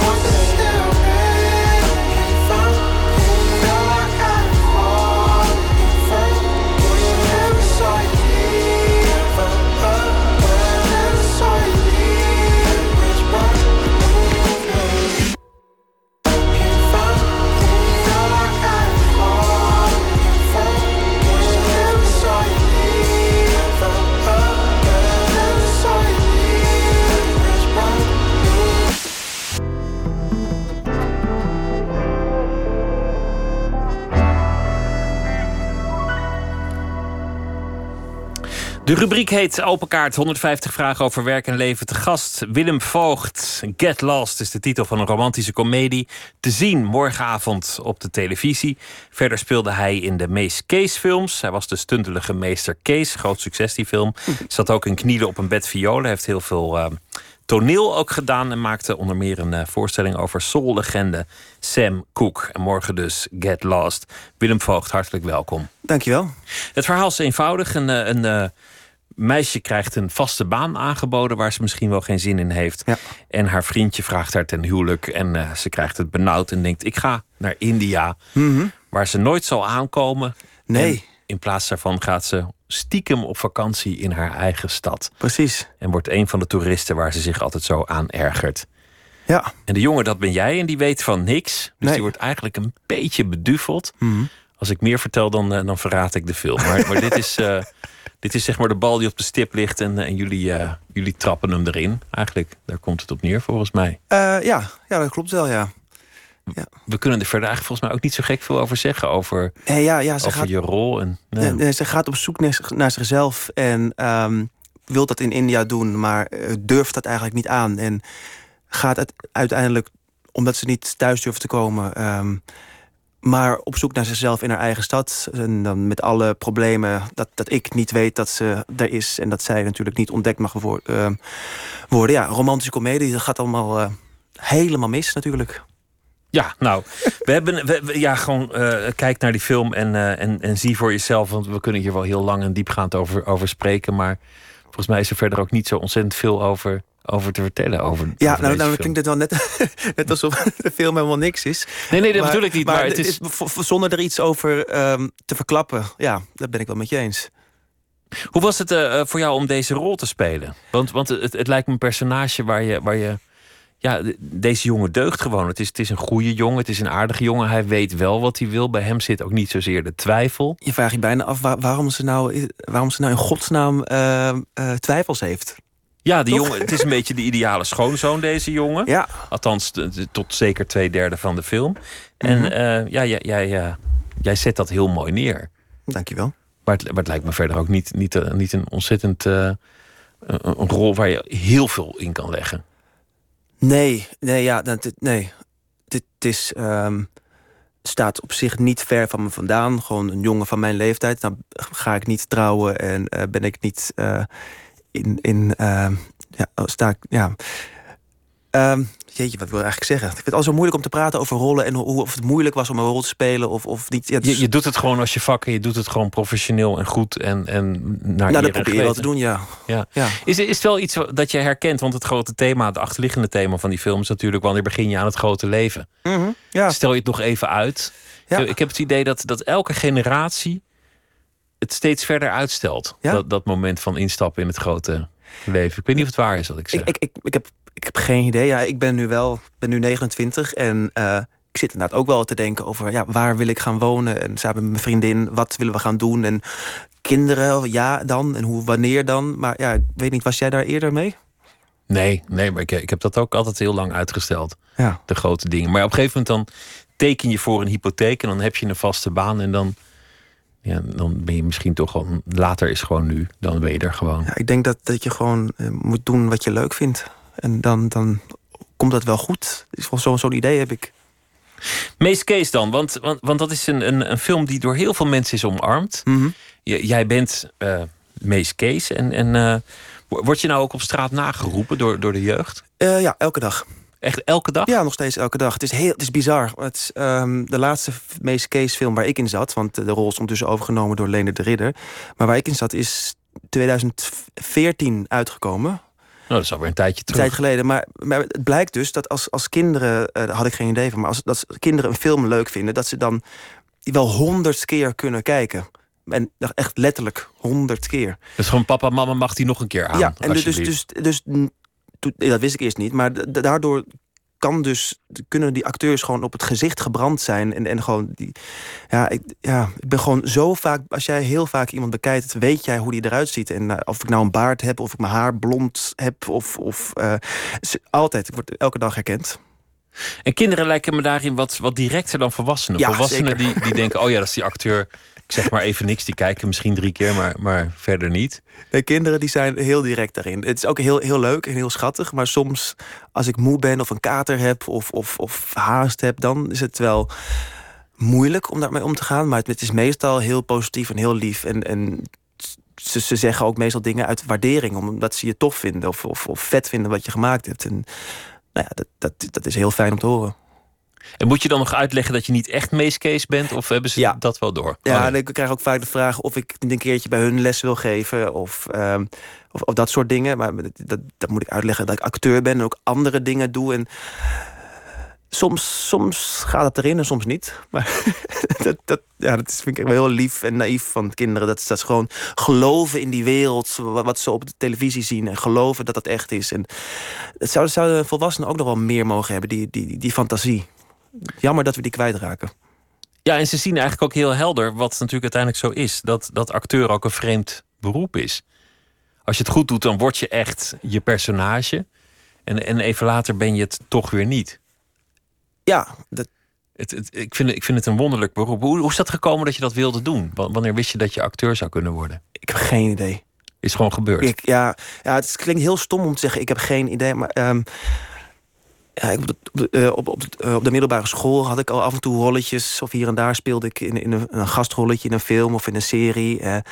en ik had drama op de middelbare school. En dat was, vond ik hartstikke leuk. Als, als keuzevak had ik dat, als eindexamenvak. En op een gegeven moment moest je gaan kiezen naar welke universiteit je ging. En, of, en, en ja, ik, ik wou me niet. Ik, ja, ik dacht, ja, ik, wil, ik heb gehoord van een toneelschool. Want een, een jongen die een jaar boven mij zat, was aangenomen in Maastricht op de toneelacademie. En toen dacht ik, ja, dat, dat, je kan dus dat doen. Het leukste. Toen heb ik overal audities gedaan, ben ik overal afgewezen. En, en het jaar daarop ben ik al aangenomen in Maastricht. En ja, dat is allemaal een beetje vanzelf gegaan. Maar het, het, is, het is ook vanzelf gegaan omdat ik het leuk vond. Ik vond het gewoon heel erg leuk om, om te spelen en te acteren. En ja, dan is dat eigenlijk het enige waar ik mee bezig ben geweest. Daar krijg je energie van. En Ja. dat moet je dan uiteindelijk ook doen. Ook al is het een, een riskant beroep misschien in sommige opzichten. Ja.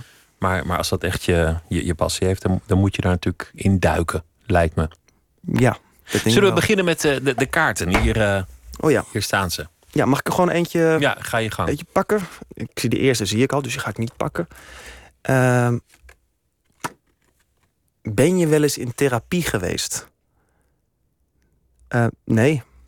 Nooit. Nee, nooit. Eh, ik heb het wel eens overwogen. Omdat ik na de toneelacademie ehm, opeens een zwart gat kwam en ehm, geen idee meer hebt waar je naartoe moet of wat je moet doen. Of, of, of, eh, maar nee, ik heb het nooit, ben nooit echt in therapie gegaan. Je dacht, ik red het wel, ik los het wel op. Nou ja, ja ik had het niet echt no- nodig, denk ik. Ja, ehm, ik heb een moeder en een, en een, en een vader waar, waar ik alles tegen kan zeggen. En, en dat is blijkbaar tot nog toe voldoende geweest. Laten we nog een vraag Ja. doen. Kijken, dit is... Welk bedrog is je sterk bijgebleven? Oeh. Ehm, welk, bedrog? Ja, de- eh, ja, ik denk het grootste bedrog wat, wat we elk jaar eh, nog steeds terugkomt... is, is, is Sinterklaas. Dat je ouders zeggen dat er een oude lieve man is. Ja, ja want eh, op, ik, eh, ik weet nog dat ik in groep drie zat op de basisschool. En, en ik was bij Sint Sinterklaas, kwam bij ons op school. En ehm, ik herkende hem ergens van. Ik dacht, ik herken die man. Ik herken Sinterklaas. En op een gegeven moment kwam ik erachter, die stem ken ik. En, en, en, en hoe, de, hoe die ruikt, ken ik. En, en toen bleek dat mijn vader te zijn. Mijn vader speelde bij mij op, op de basisschool Sinterklaas. En Dat was ook wel moeilijk om hem niet te herkennen. ja, nou ja, je, je gelooft het. Dus als kind heb je heel erg sterk de fantasie. En, en, en, en geloof je in alles. Dus ook, ook wat je op televisie ziet. Dan geloof je dat Mees Kees een, een meester is. En als, als, als kind heb je ook het geloof. Of wil je heel graag geloven dat het echt is. Dus, dus alle, ook al. Volgens mij heb ik ook wel eens een keer gehoord van, van onderzoek. dat gewoon iemand zich in een ruimte met allemaal kinderen. Om begon te kleden tot Sinterklaas. De kinderen keken niet naar die man tot het moment dat hij zijn stem opzette en, en zijn meid erop had. En die kinderen dachten gewoon echt, dat is Sinterklaas. En, en dat, omdat dat geloof zo sterk is. Maar dat was toen ineens, eh pom, voorbij. Ineens was het gewoon je vader. Wil dat ook zeggen dat je vader een, ook een beetje een acteur was? Dat hij die rol op zich nam? dat ze hem Ehm, daarvoor uit. eh, Nou, hij, hij schijnt wel ehm, to- eh, toen hij een jaar of 18 was, een heel goed hebben, te hebben gespeeld. Dat zijn eigen moeder hem niet herkende. Die dacht dat hij niet mee had gespeeld, omdat ze hem, ze had hem niet herkend. Ehm, maar hij, is, nou, hij is geen acteur geweest. Hij is wel naar de filmacademie geweest en is eh, een regisseur geweest van, van eh, drama en fictie, maar is daarmee gestopt toen ik, eh, toen ik geboren werd. Dus ja, ik denk wel dat hij dat, dat kan, maar niet, ja. Maar het zat wel ergens. Ja, Het is bij jou niet het. uit de lucht komen vallen. Ja, dat we- weet ik ook niet. Vind ik alles zo raar. Of dat, ja, Of dat helemaal zo zit. Ja. nee. Laten we nog een kaart trekken. Ja, ehm, iets meer aan de voorkant. Wie was je eerste liefde? Oeh, dat zijn, zijn er meerdere, of, ja, op verschillende vlakken.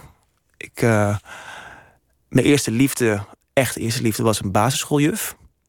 Dat, eh, dat Echt was- verliefd op die Ja, juf? daar was ik verliefd op. Ja, dat vond ik gewoon zo'n lieve vrouw. Zo, dat was, ja, daar was ik echt heel erg verliefd op. Dat is nooit iets geworden. Dat zou ook wel ik, was, eh, ik was vijf en zij was... Nou, ik heb geen idee hoe oud zij was. En ehm, ja, ik heb het eerste middelbare schoolvriendinnetje gehad.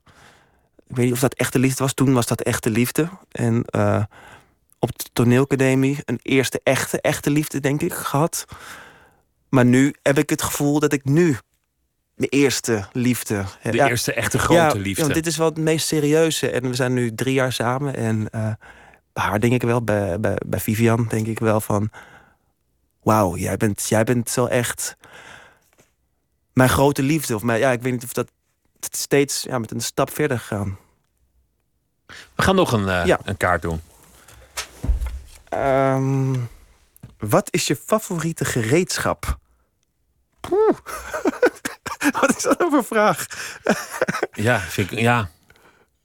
ja, je kan het op vele manieren interpreteren. Is dat een hamer of een schroevendraaier? Maar je kan ook zeggen je, je stem of je. Ja, of je mimiek. Dat is ook een soort gereedschap. In, in, mijn, in, mijn, in mijn acteurs zijn, ja. ehm, in, in mijn hele lichaam is mijn gereedschap. Ik, ik, moet, ik, ben, mijn, ik ben mijn eigen eh viool, moet ik maar zeggen. Je bespeelt jezelf. Ja, ja want, want je moet je, je stem veranderen, je mimiek, mimiek veranderen, je, je fysiek. ehm, hard praten, zacht praten, hoog, laag. ehm, je moet in, in, in conditie blijven. Dus eigenlijk, wat dat betreft, is, is, ben ik zelf eigenlijk mijn favoriete gereedschap. Nou ja, dus dat klinkt ook heel raar. heel raar, maar Maar het is wel interessant, want dat betekent dat je, dat je jezelf, of, of in ieder geval je lichaam, goed moet kennen. ja, Je moet precies weten hoe, hoe het eruit ziet als jij een wenkbrauw optrekt. Of hoe het eruit ziet als jij een mond op een bepaalde hoek hebt. klopt. We- weet je dat precies? Weet jij precies hoe je overkomt op anderen? Nee, nou ja. Niet precies, bedoel, dat, dat, weet ik niet. Mensen denken wel eens dat ik in het echte leven ook zomaar kan acteren of, of kan liegen of doen alsof. Maar dat is totaal iets anders dan, dan een, een, een script lezen en, en daar een, een tekst van, die van iemand anders is zo goed mogelijk, zo, ja, zo goed mogelijk ehm, overbrengen. Ehm, ja, ik heb natuurlijk wel. Op, de toneelacademie eh, krijg je les in, in, in, in bewegingsles drie keer in de week in Maastricht. Ehm, drie keer in de week eh, stemles. En, en los van zangles. Maar stemles bijvoorbeeld dat je je stem weet te controleren, hem uitdiept. Ehm, ik had bijvoorbeeld een vrij Amsterdamse accent. Af en toe hoor je het nog wel. Maar ehm, we hebben geleerd om zo accentloos Nederlands te kunnen spreken. eh, om een soort, soort blanco te zijn en da daar op dat blanco ehm, pal- palet te kunnen kleuren. Zodat je niet al gekleurd bent. Ja, want het is, heel het is heel gek als je een, een, ja. een, een gezin hebt... dat de vader uit Amsterdam komt, de moeder uit Groningen... en de twee kinderen Zeeuws en, en Limburgs praten. Dat, dat, dat, dat, zou niet werken. Dat, geloof je niet. Dat, dat klinkt heel raar.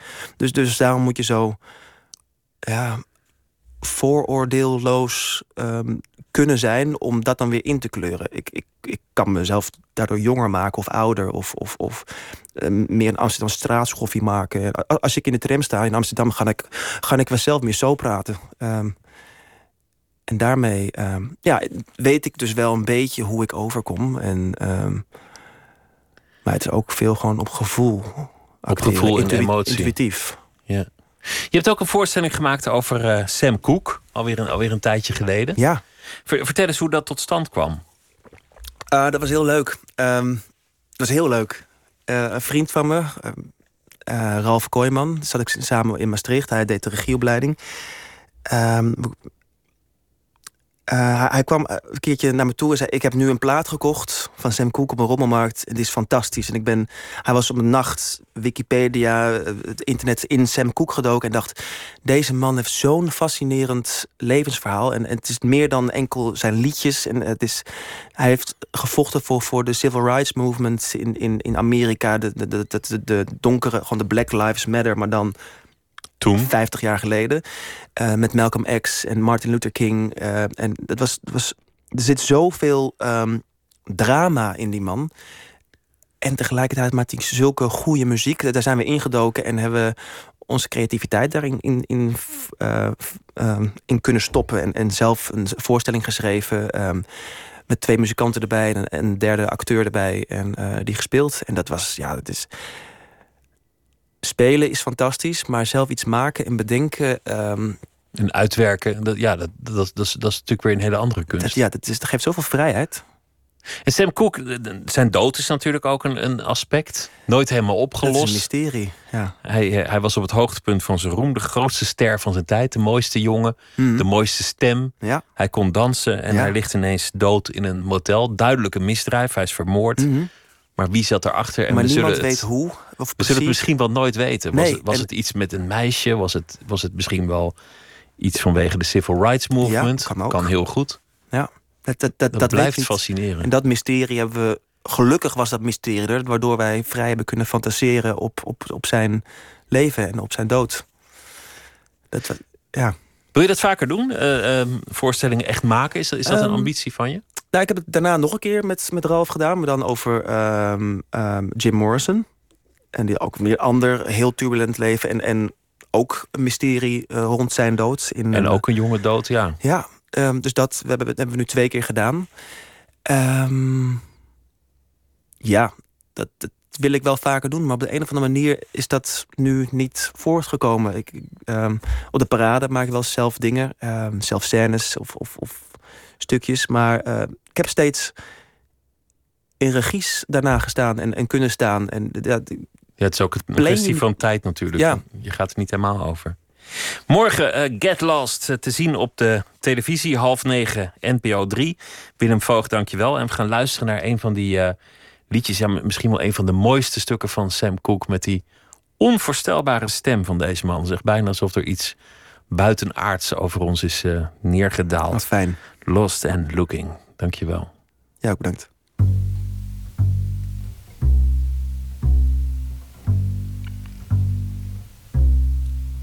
I'm lost and a looking for my baby. Wonder why my baby can't be found. I'm lost and a looking for my baby. Lord knows my baby ain't around. So I'm lost and a looking for my baby. Wonder why my baby can't be found. Lost and a searching for my baby. Lord knows my baby ain't around. Crying crying all alone, calling for you. Come home, come home. I'm lost and I'm calling for my baby. Baby, won't you please come home? I'm lost and I'm calling for my baby. I need you cause I'm so alone.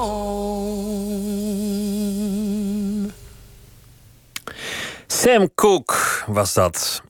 1 minuut, een eh, reeks verhalen in 60 seconden. Deze is gemaakt door Maartje Duin en het is. Uh, de eerste aflevering in een reeks minuten over de fabriek. Pst, één minuut. De fabriek. Het is indrukwekkend, het is groot, het is ook een beetje onheilspellend natuurlijk. Maar alles wat je ziet is functioneel. Die lichtval daarachter op die buizen, dat vind ik echt geweldig mooi. Dat komt heel dicht bij een natuurgebied. Dus je ziet eerst een buizenstelsel, je ziet een ton, je ziet een afvoer. Maar als je dat aan het tekenen bent, dan moet je echt letterlijk centimeter voor centimeter kijken hoe het precies zit, die constructies. Je moet kijken, die kleuren, dat is gewoon paars, hè? En dan zie ik, nou, die buis die gaat daadwerkelijk daar in die ketel. En daar is een deksel en daar is een schoorsteen. Kijk, die zit met een ketting vastgeketend aan het hekwerk. Dat ziet er ook interessant uitzien. Als hij naar beneden valt, dan hangt hij aan een lijntje aan de, aan de stijger. De meeste mensen vinden het eng en die denken aan vervuiling. En bij mij overstijgt de fascinatie voor die techniek. Voor mij is het absoluut kunstzinnig.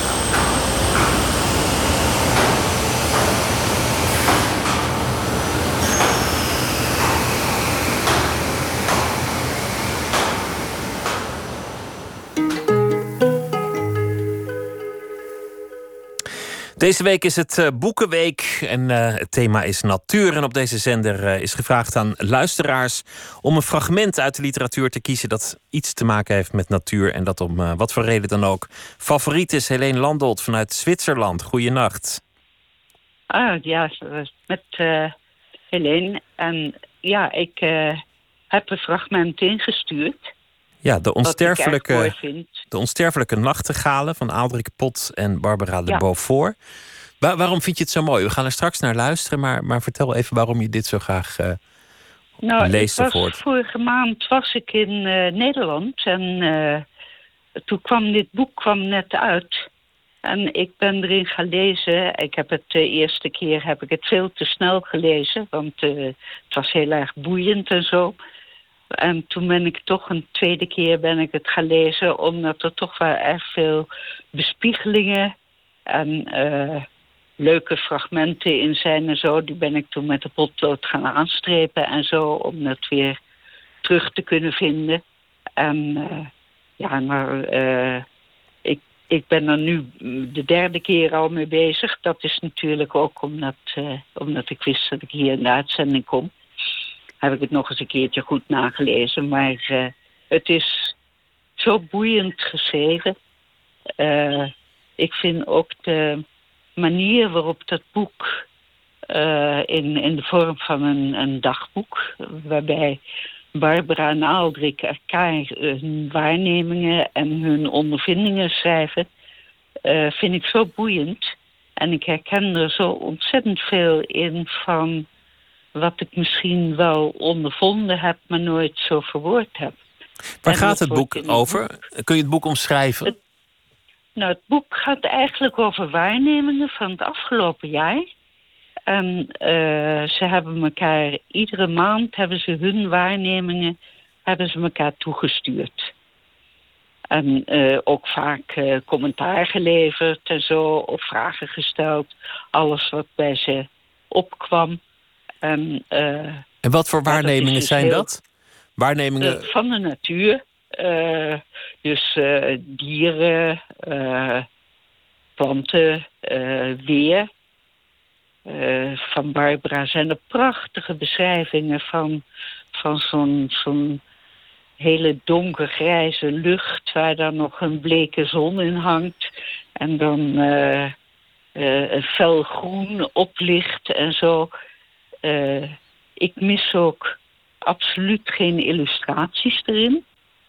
Want uh, je zou kunnen zeggen van ja, een natuurboek zonder illustraties. Maar de beschrijvingen zijn zo dat eigenlijk een illustratie zou storen. Voor het is al zo beeldend beschreven, je hebt geen plaatje meer nodig. Het is heel beeldend. Ik uh, zelf schilder. Maar ja, ze, Ze zijn voor mij zijn ze echt zo beeldend beschreven. Ik zou het bijna kunnen schilderen naar, uh, naar wat er verteld wordt. Je hebt het met, uh, met, met smaak aangeprezen. Ik heb, ik, heb, uh, ik heb meteen zin om aan het boek te beginnen zoals je het beschrijft. Nou, Dank je wel. Dat moet, moet, je zeker doen, want je mist wat als je het niet doet. We gaan, luisteren naar, het, we gaan luisteren naar het fragment van ja? De Onsterfelijke Nachtegalen.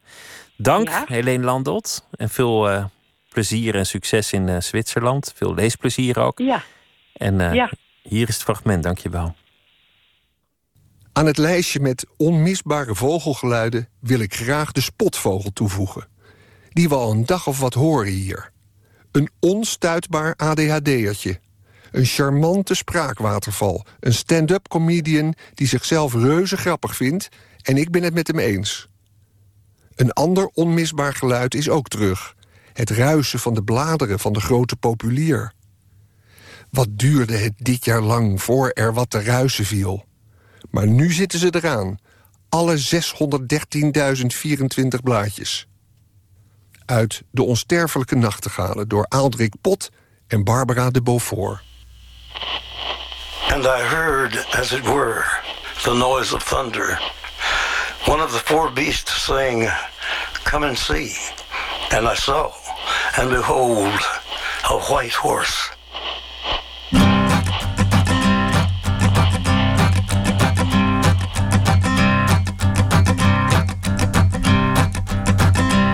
There's a man going round taking names, and he decides who to free and who to blame. Everybody won't be treated all the same. There'll be a golden ladder reaching down when the man comes around. The hairs on your arm will stand up at the terror in each sip and in each sup. Will you partake of that last offered cup? Or disappear into the potter's ground? When the man comes around. Hear the trumpets, hear the pipers. One hundred million angels singing. Multitudes are marching to the big kettle drum. Voices calling, voices crying. Some are born and some are dying. It's Alpha and Omega's kingdom come. And the whirlwind is in the thorn tree. The virgins are all trimming their wicks.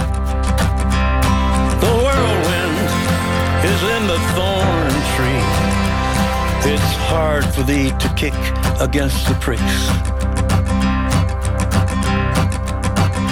Till Armageddon, no shalom, no shalom. Then the father hen will call his chickens home. The wise men will bow down before the throne. And at his feet they'll cast their golden crowns.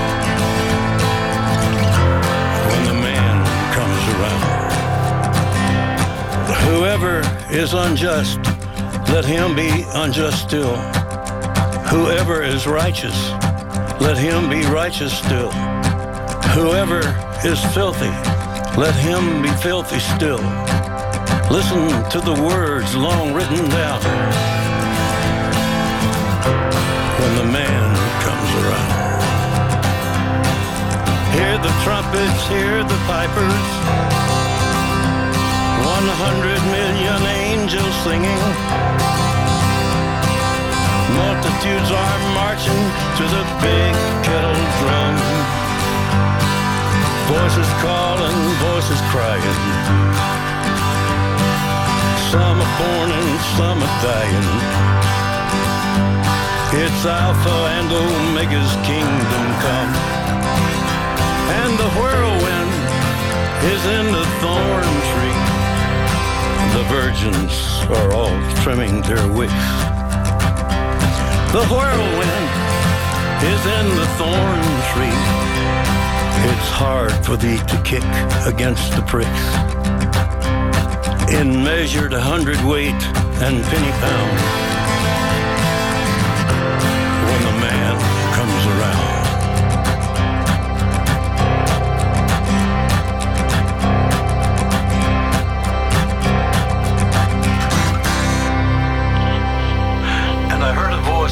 In the midst of the four beasts.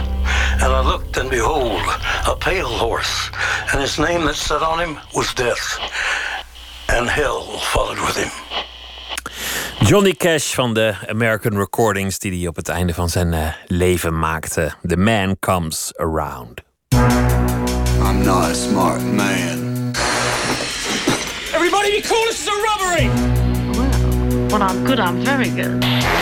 But when I'm bad, I'm better. No, I'm just getting warmed up. Silly rabbit.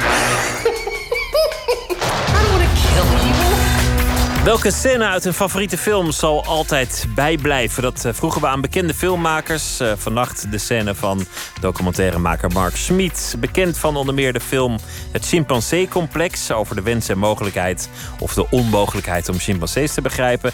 En van de regels van Matthijs over een autistische schoolvriend. En laatst maakte hij ook nog een film Bewaarders. Die was op tv te zien. Die gaat over de gevangenisbewaarders... van de grootste en modernste gevangenis van Nederland in Zaandam. Vannacht de favoriete scène van Mark Schmid. Peanut butter motherfucker to them, bitch. De scène die ik heb gekozen komt uit de film Gummo van eh, Harmony Korine. En speelt in een ja, klein stadje ergens in Amerika na een eh, orkaan. A few years ago, a tornado hit this place.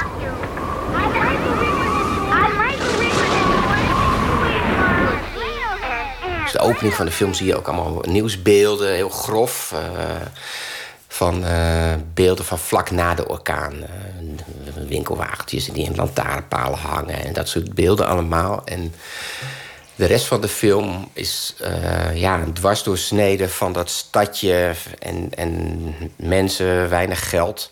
eh, een beetje retarded ook vaak, die daar overleven. Met name één, één jochie, wat dan de min of meer de hoofdpersoon is, die volg je dan. Maar je kunt heel veel uitstapjes naar andere mensen. Dus je leert echt het stadje kennen. En het is een film zonder heel duidelijk verhaal. Het is een soort samenraapsel van scènes. Ehm, ja, bijna een soort documentair portret lijkt het.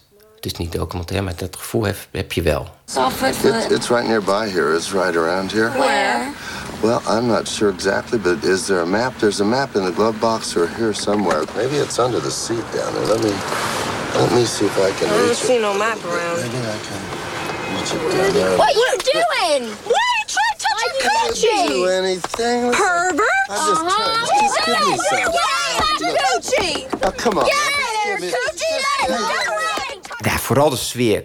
Die heeft heel veel impact op mij gemaakt. Het heeft een soort raar soort mm, ongemakkelijke mengeling van realisme en absurditeit. Die ik echt heel spannend vind. Dus het is, er gebeuren dingen die echt heel. die bijna niet gelooft. Maar het zou waar kunnen zijn. Dat gevoel de hele tijd. Weet je, dat jochie met zijn vriendje loopt hier rond met een luchtbuks... en dan gaan ze katten afschieten... en die aan de Chinese eh, plaatselijke restaurant verkopen. Je denkt, ja, dat is leuk verzonnen, maar ja, het is ook niet totaal onmogelijk. Dat soort situaties, dat jochie loopt daar met eh, rare roze konijnenoren rond... en zingt liedjes... ehm.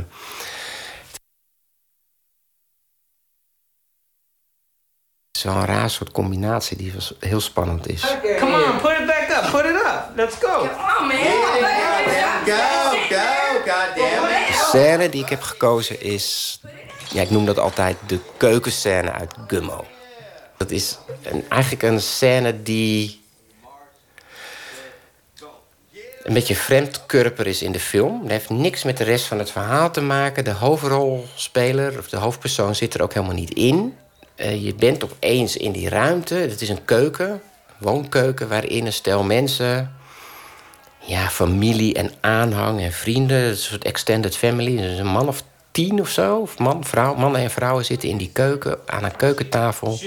En ze gaan armpje drukken.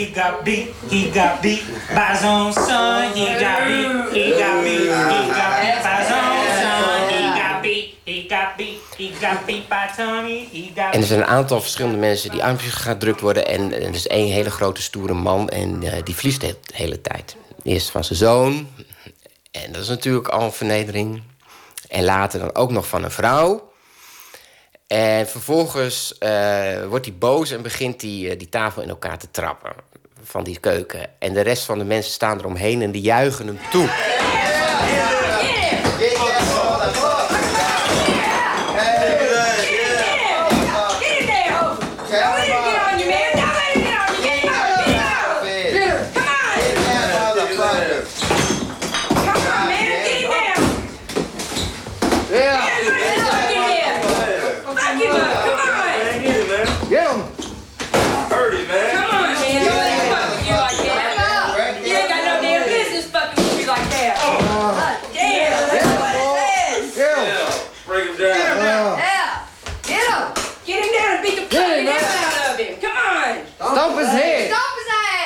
Rare manier, die, die oprechte boosheid van dat hij verloren heeft... Die, die slaat om in een soort baldadigheid... waardoor het weer leuk wordt.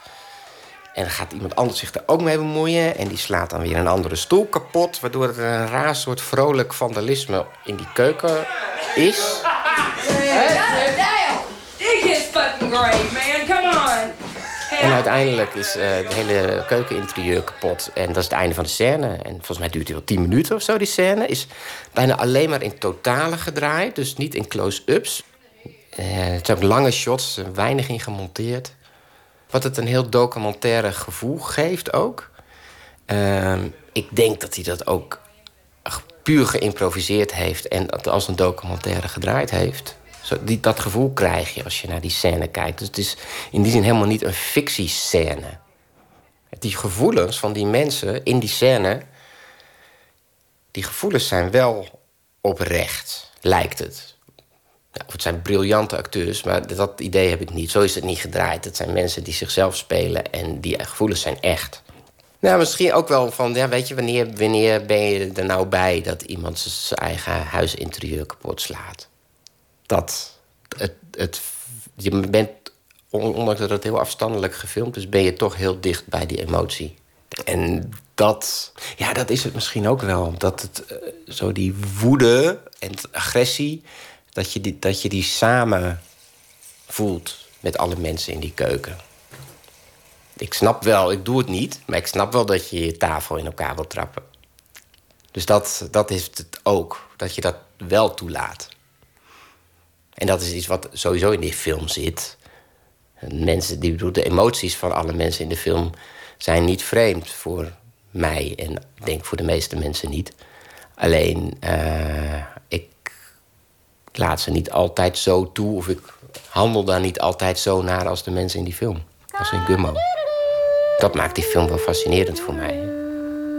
And I my little guinea, me. I'm cherish the green bay tree. Little Ja, ik probeer wel in mijn films ook heel dicht bij die, bij die, ja, bij die eerste primaire emotie te komen. Dus, ehm, dus eh, dat mensen inderdaad ook echt boos worden of het echt niet meer weten.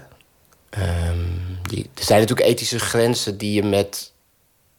Die, die liggen anders in een documentaire dan in fictie. Fictie kan je ethisch gezien verder gaan. Dat denk dat dat ook het belangrijkste verschil is tussen fictie en documentaire. Maar ik probeer wel op die grens te gaan zitten. Dus in, in Bewaarders, mijn laatste film, zitten een paar gesprekken tussen uh, ja, personeel in de gevangenis, de bewaarders, en uh, gedetineerden waar uh, dat gebeurt. Dus de, dat zijn dan ook meteen de sleutelscènes van de film. Jullie gaan met mij werken, jullie hebben niks. Als jullie één keer met die zegt van ik zeg jullie, ik bedreig jullie, ik laat jullie vermoorden. Ik zeg jullie nog, ik zweer het, ik meen het, kijk maar in mijn ogen. Jij ook dikke, jij met je handen in zijn. Vooral jij dikke vieze beer. Fuck jou helemaal, pik. Dit is een bedreiging hoor. Ja, nou, bedreiging is goed. Doe maar bedreiging. Dan zet kracht bij woord, nou. Hier krijg ik een rapport voor. Ja? Gooi je op die mama. Zo, dank Gooi je op die mama. Gooi je op mama.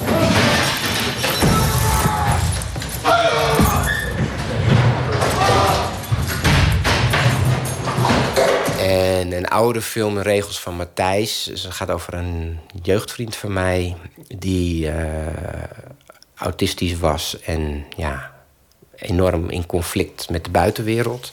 En zijn woede en frustratie en onmacht, eh, daar ben ik denk ik behoorlijk dichtbij gekomen.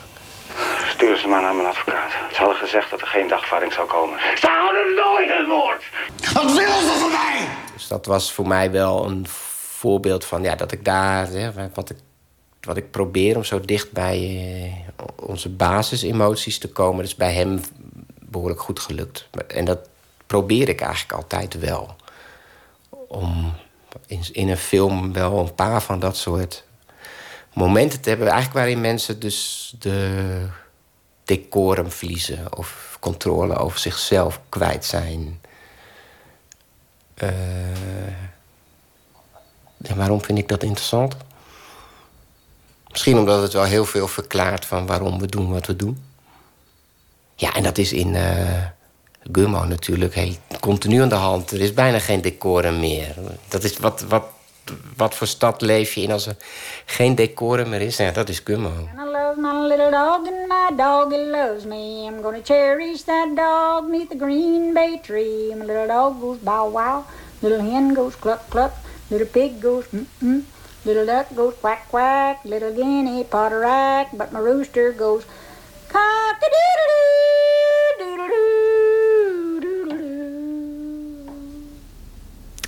De favoriete filmscène van Mark Schmid, documentairemaker. En zijn eigen film Bewaarders is nog terug te kijken via NPO Gemist.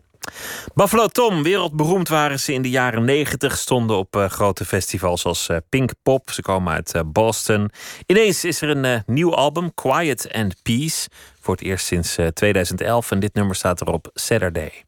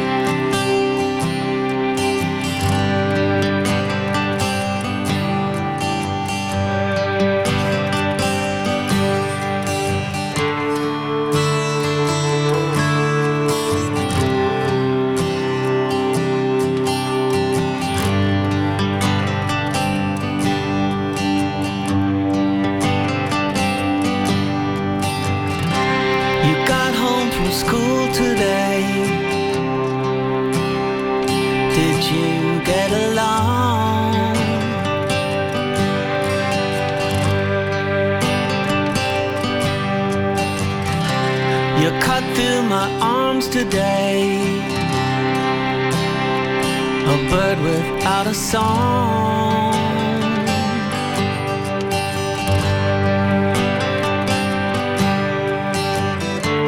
It's all so hazy.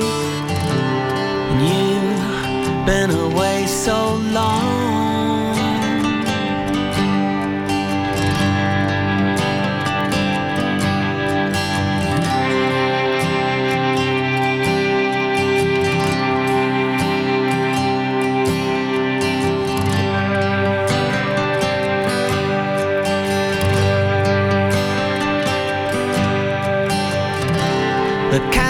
your tongue today.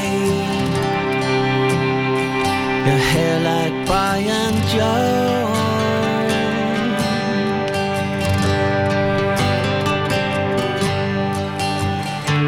I'm not done pacing.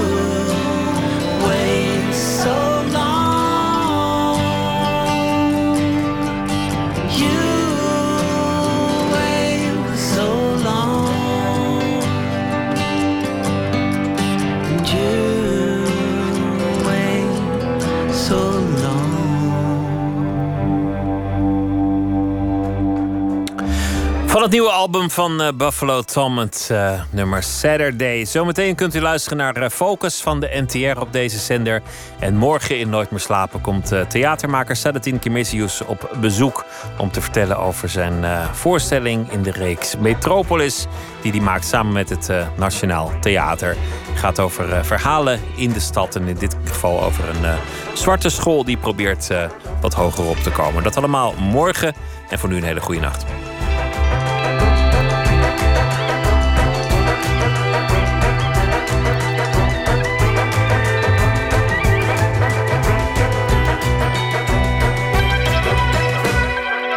Radio 1, het nieuws van alle kanten.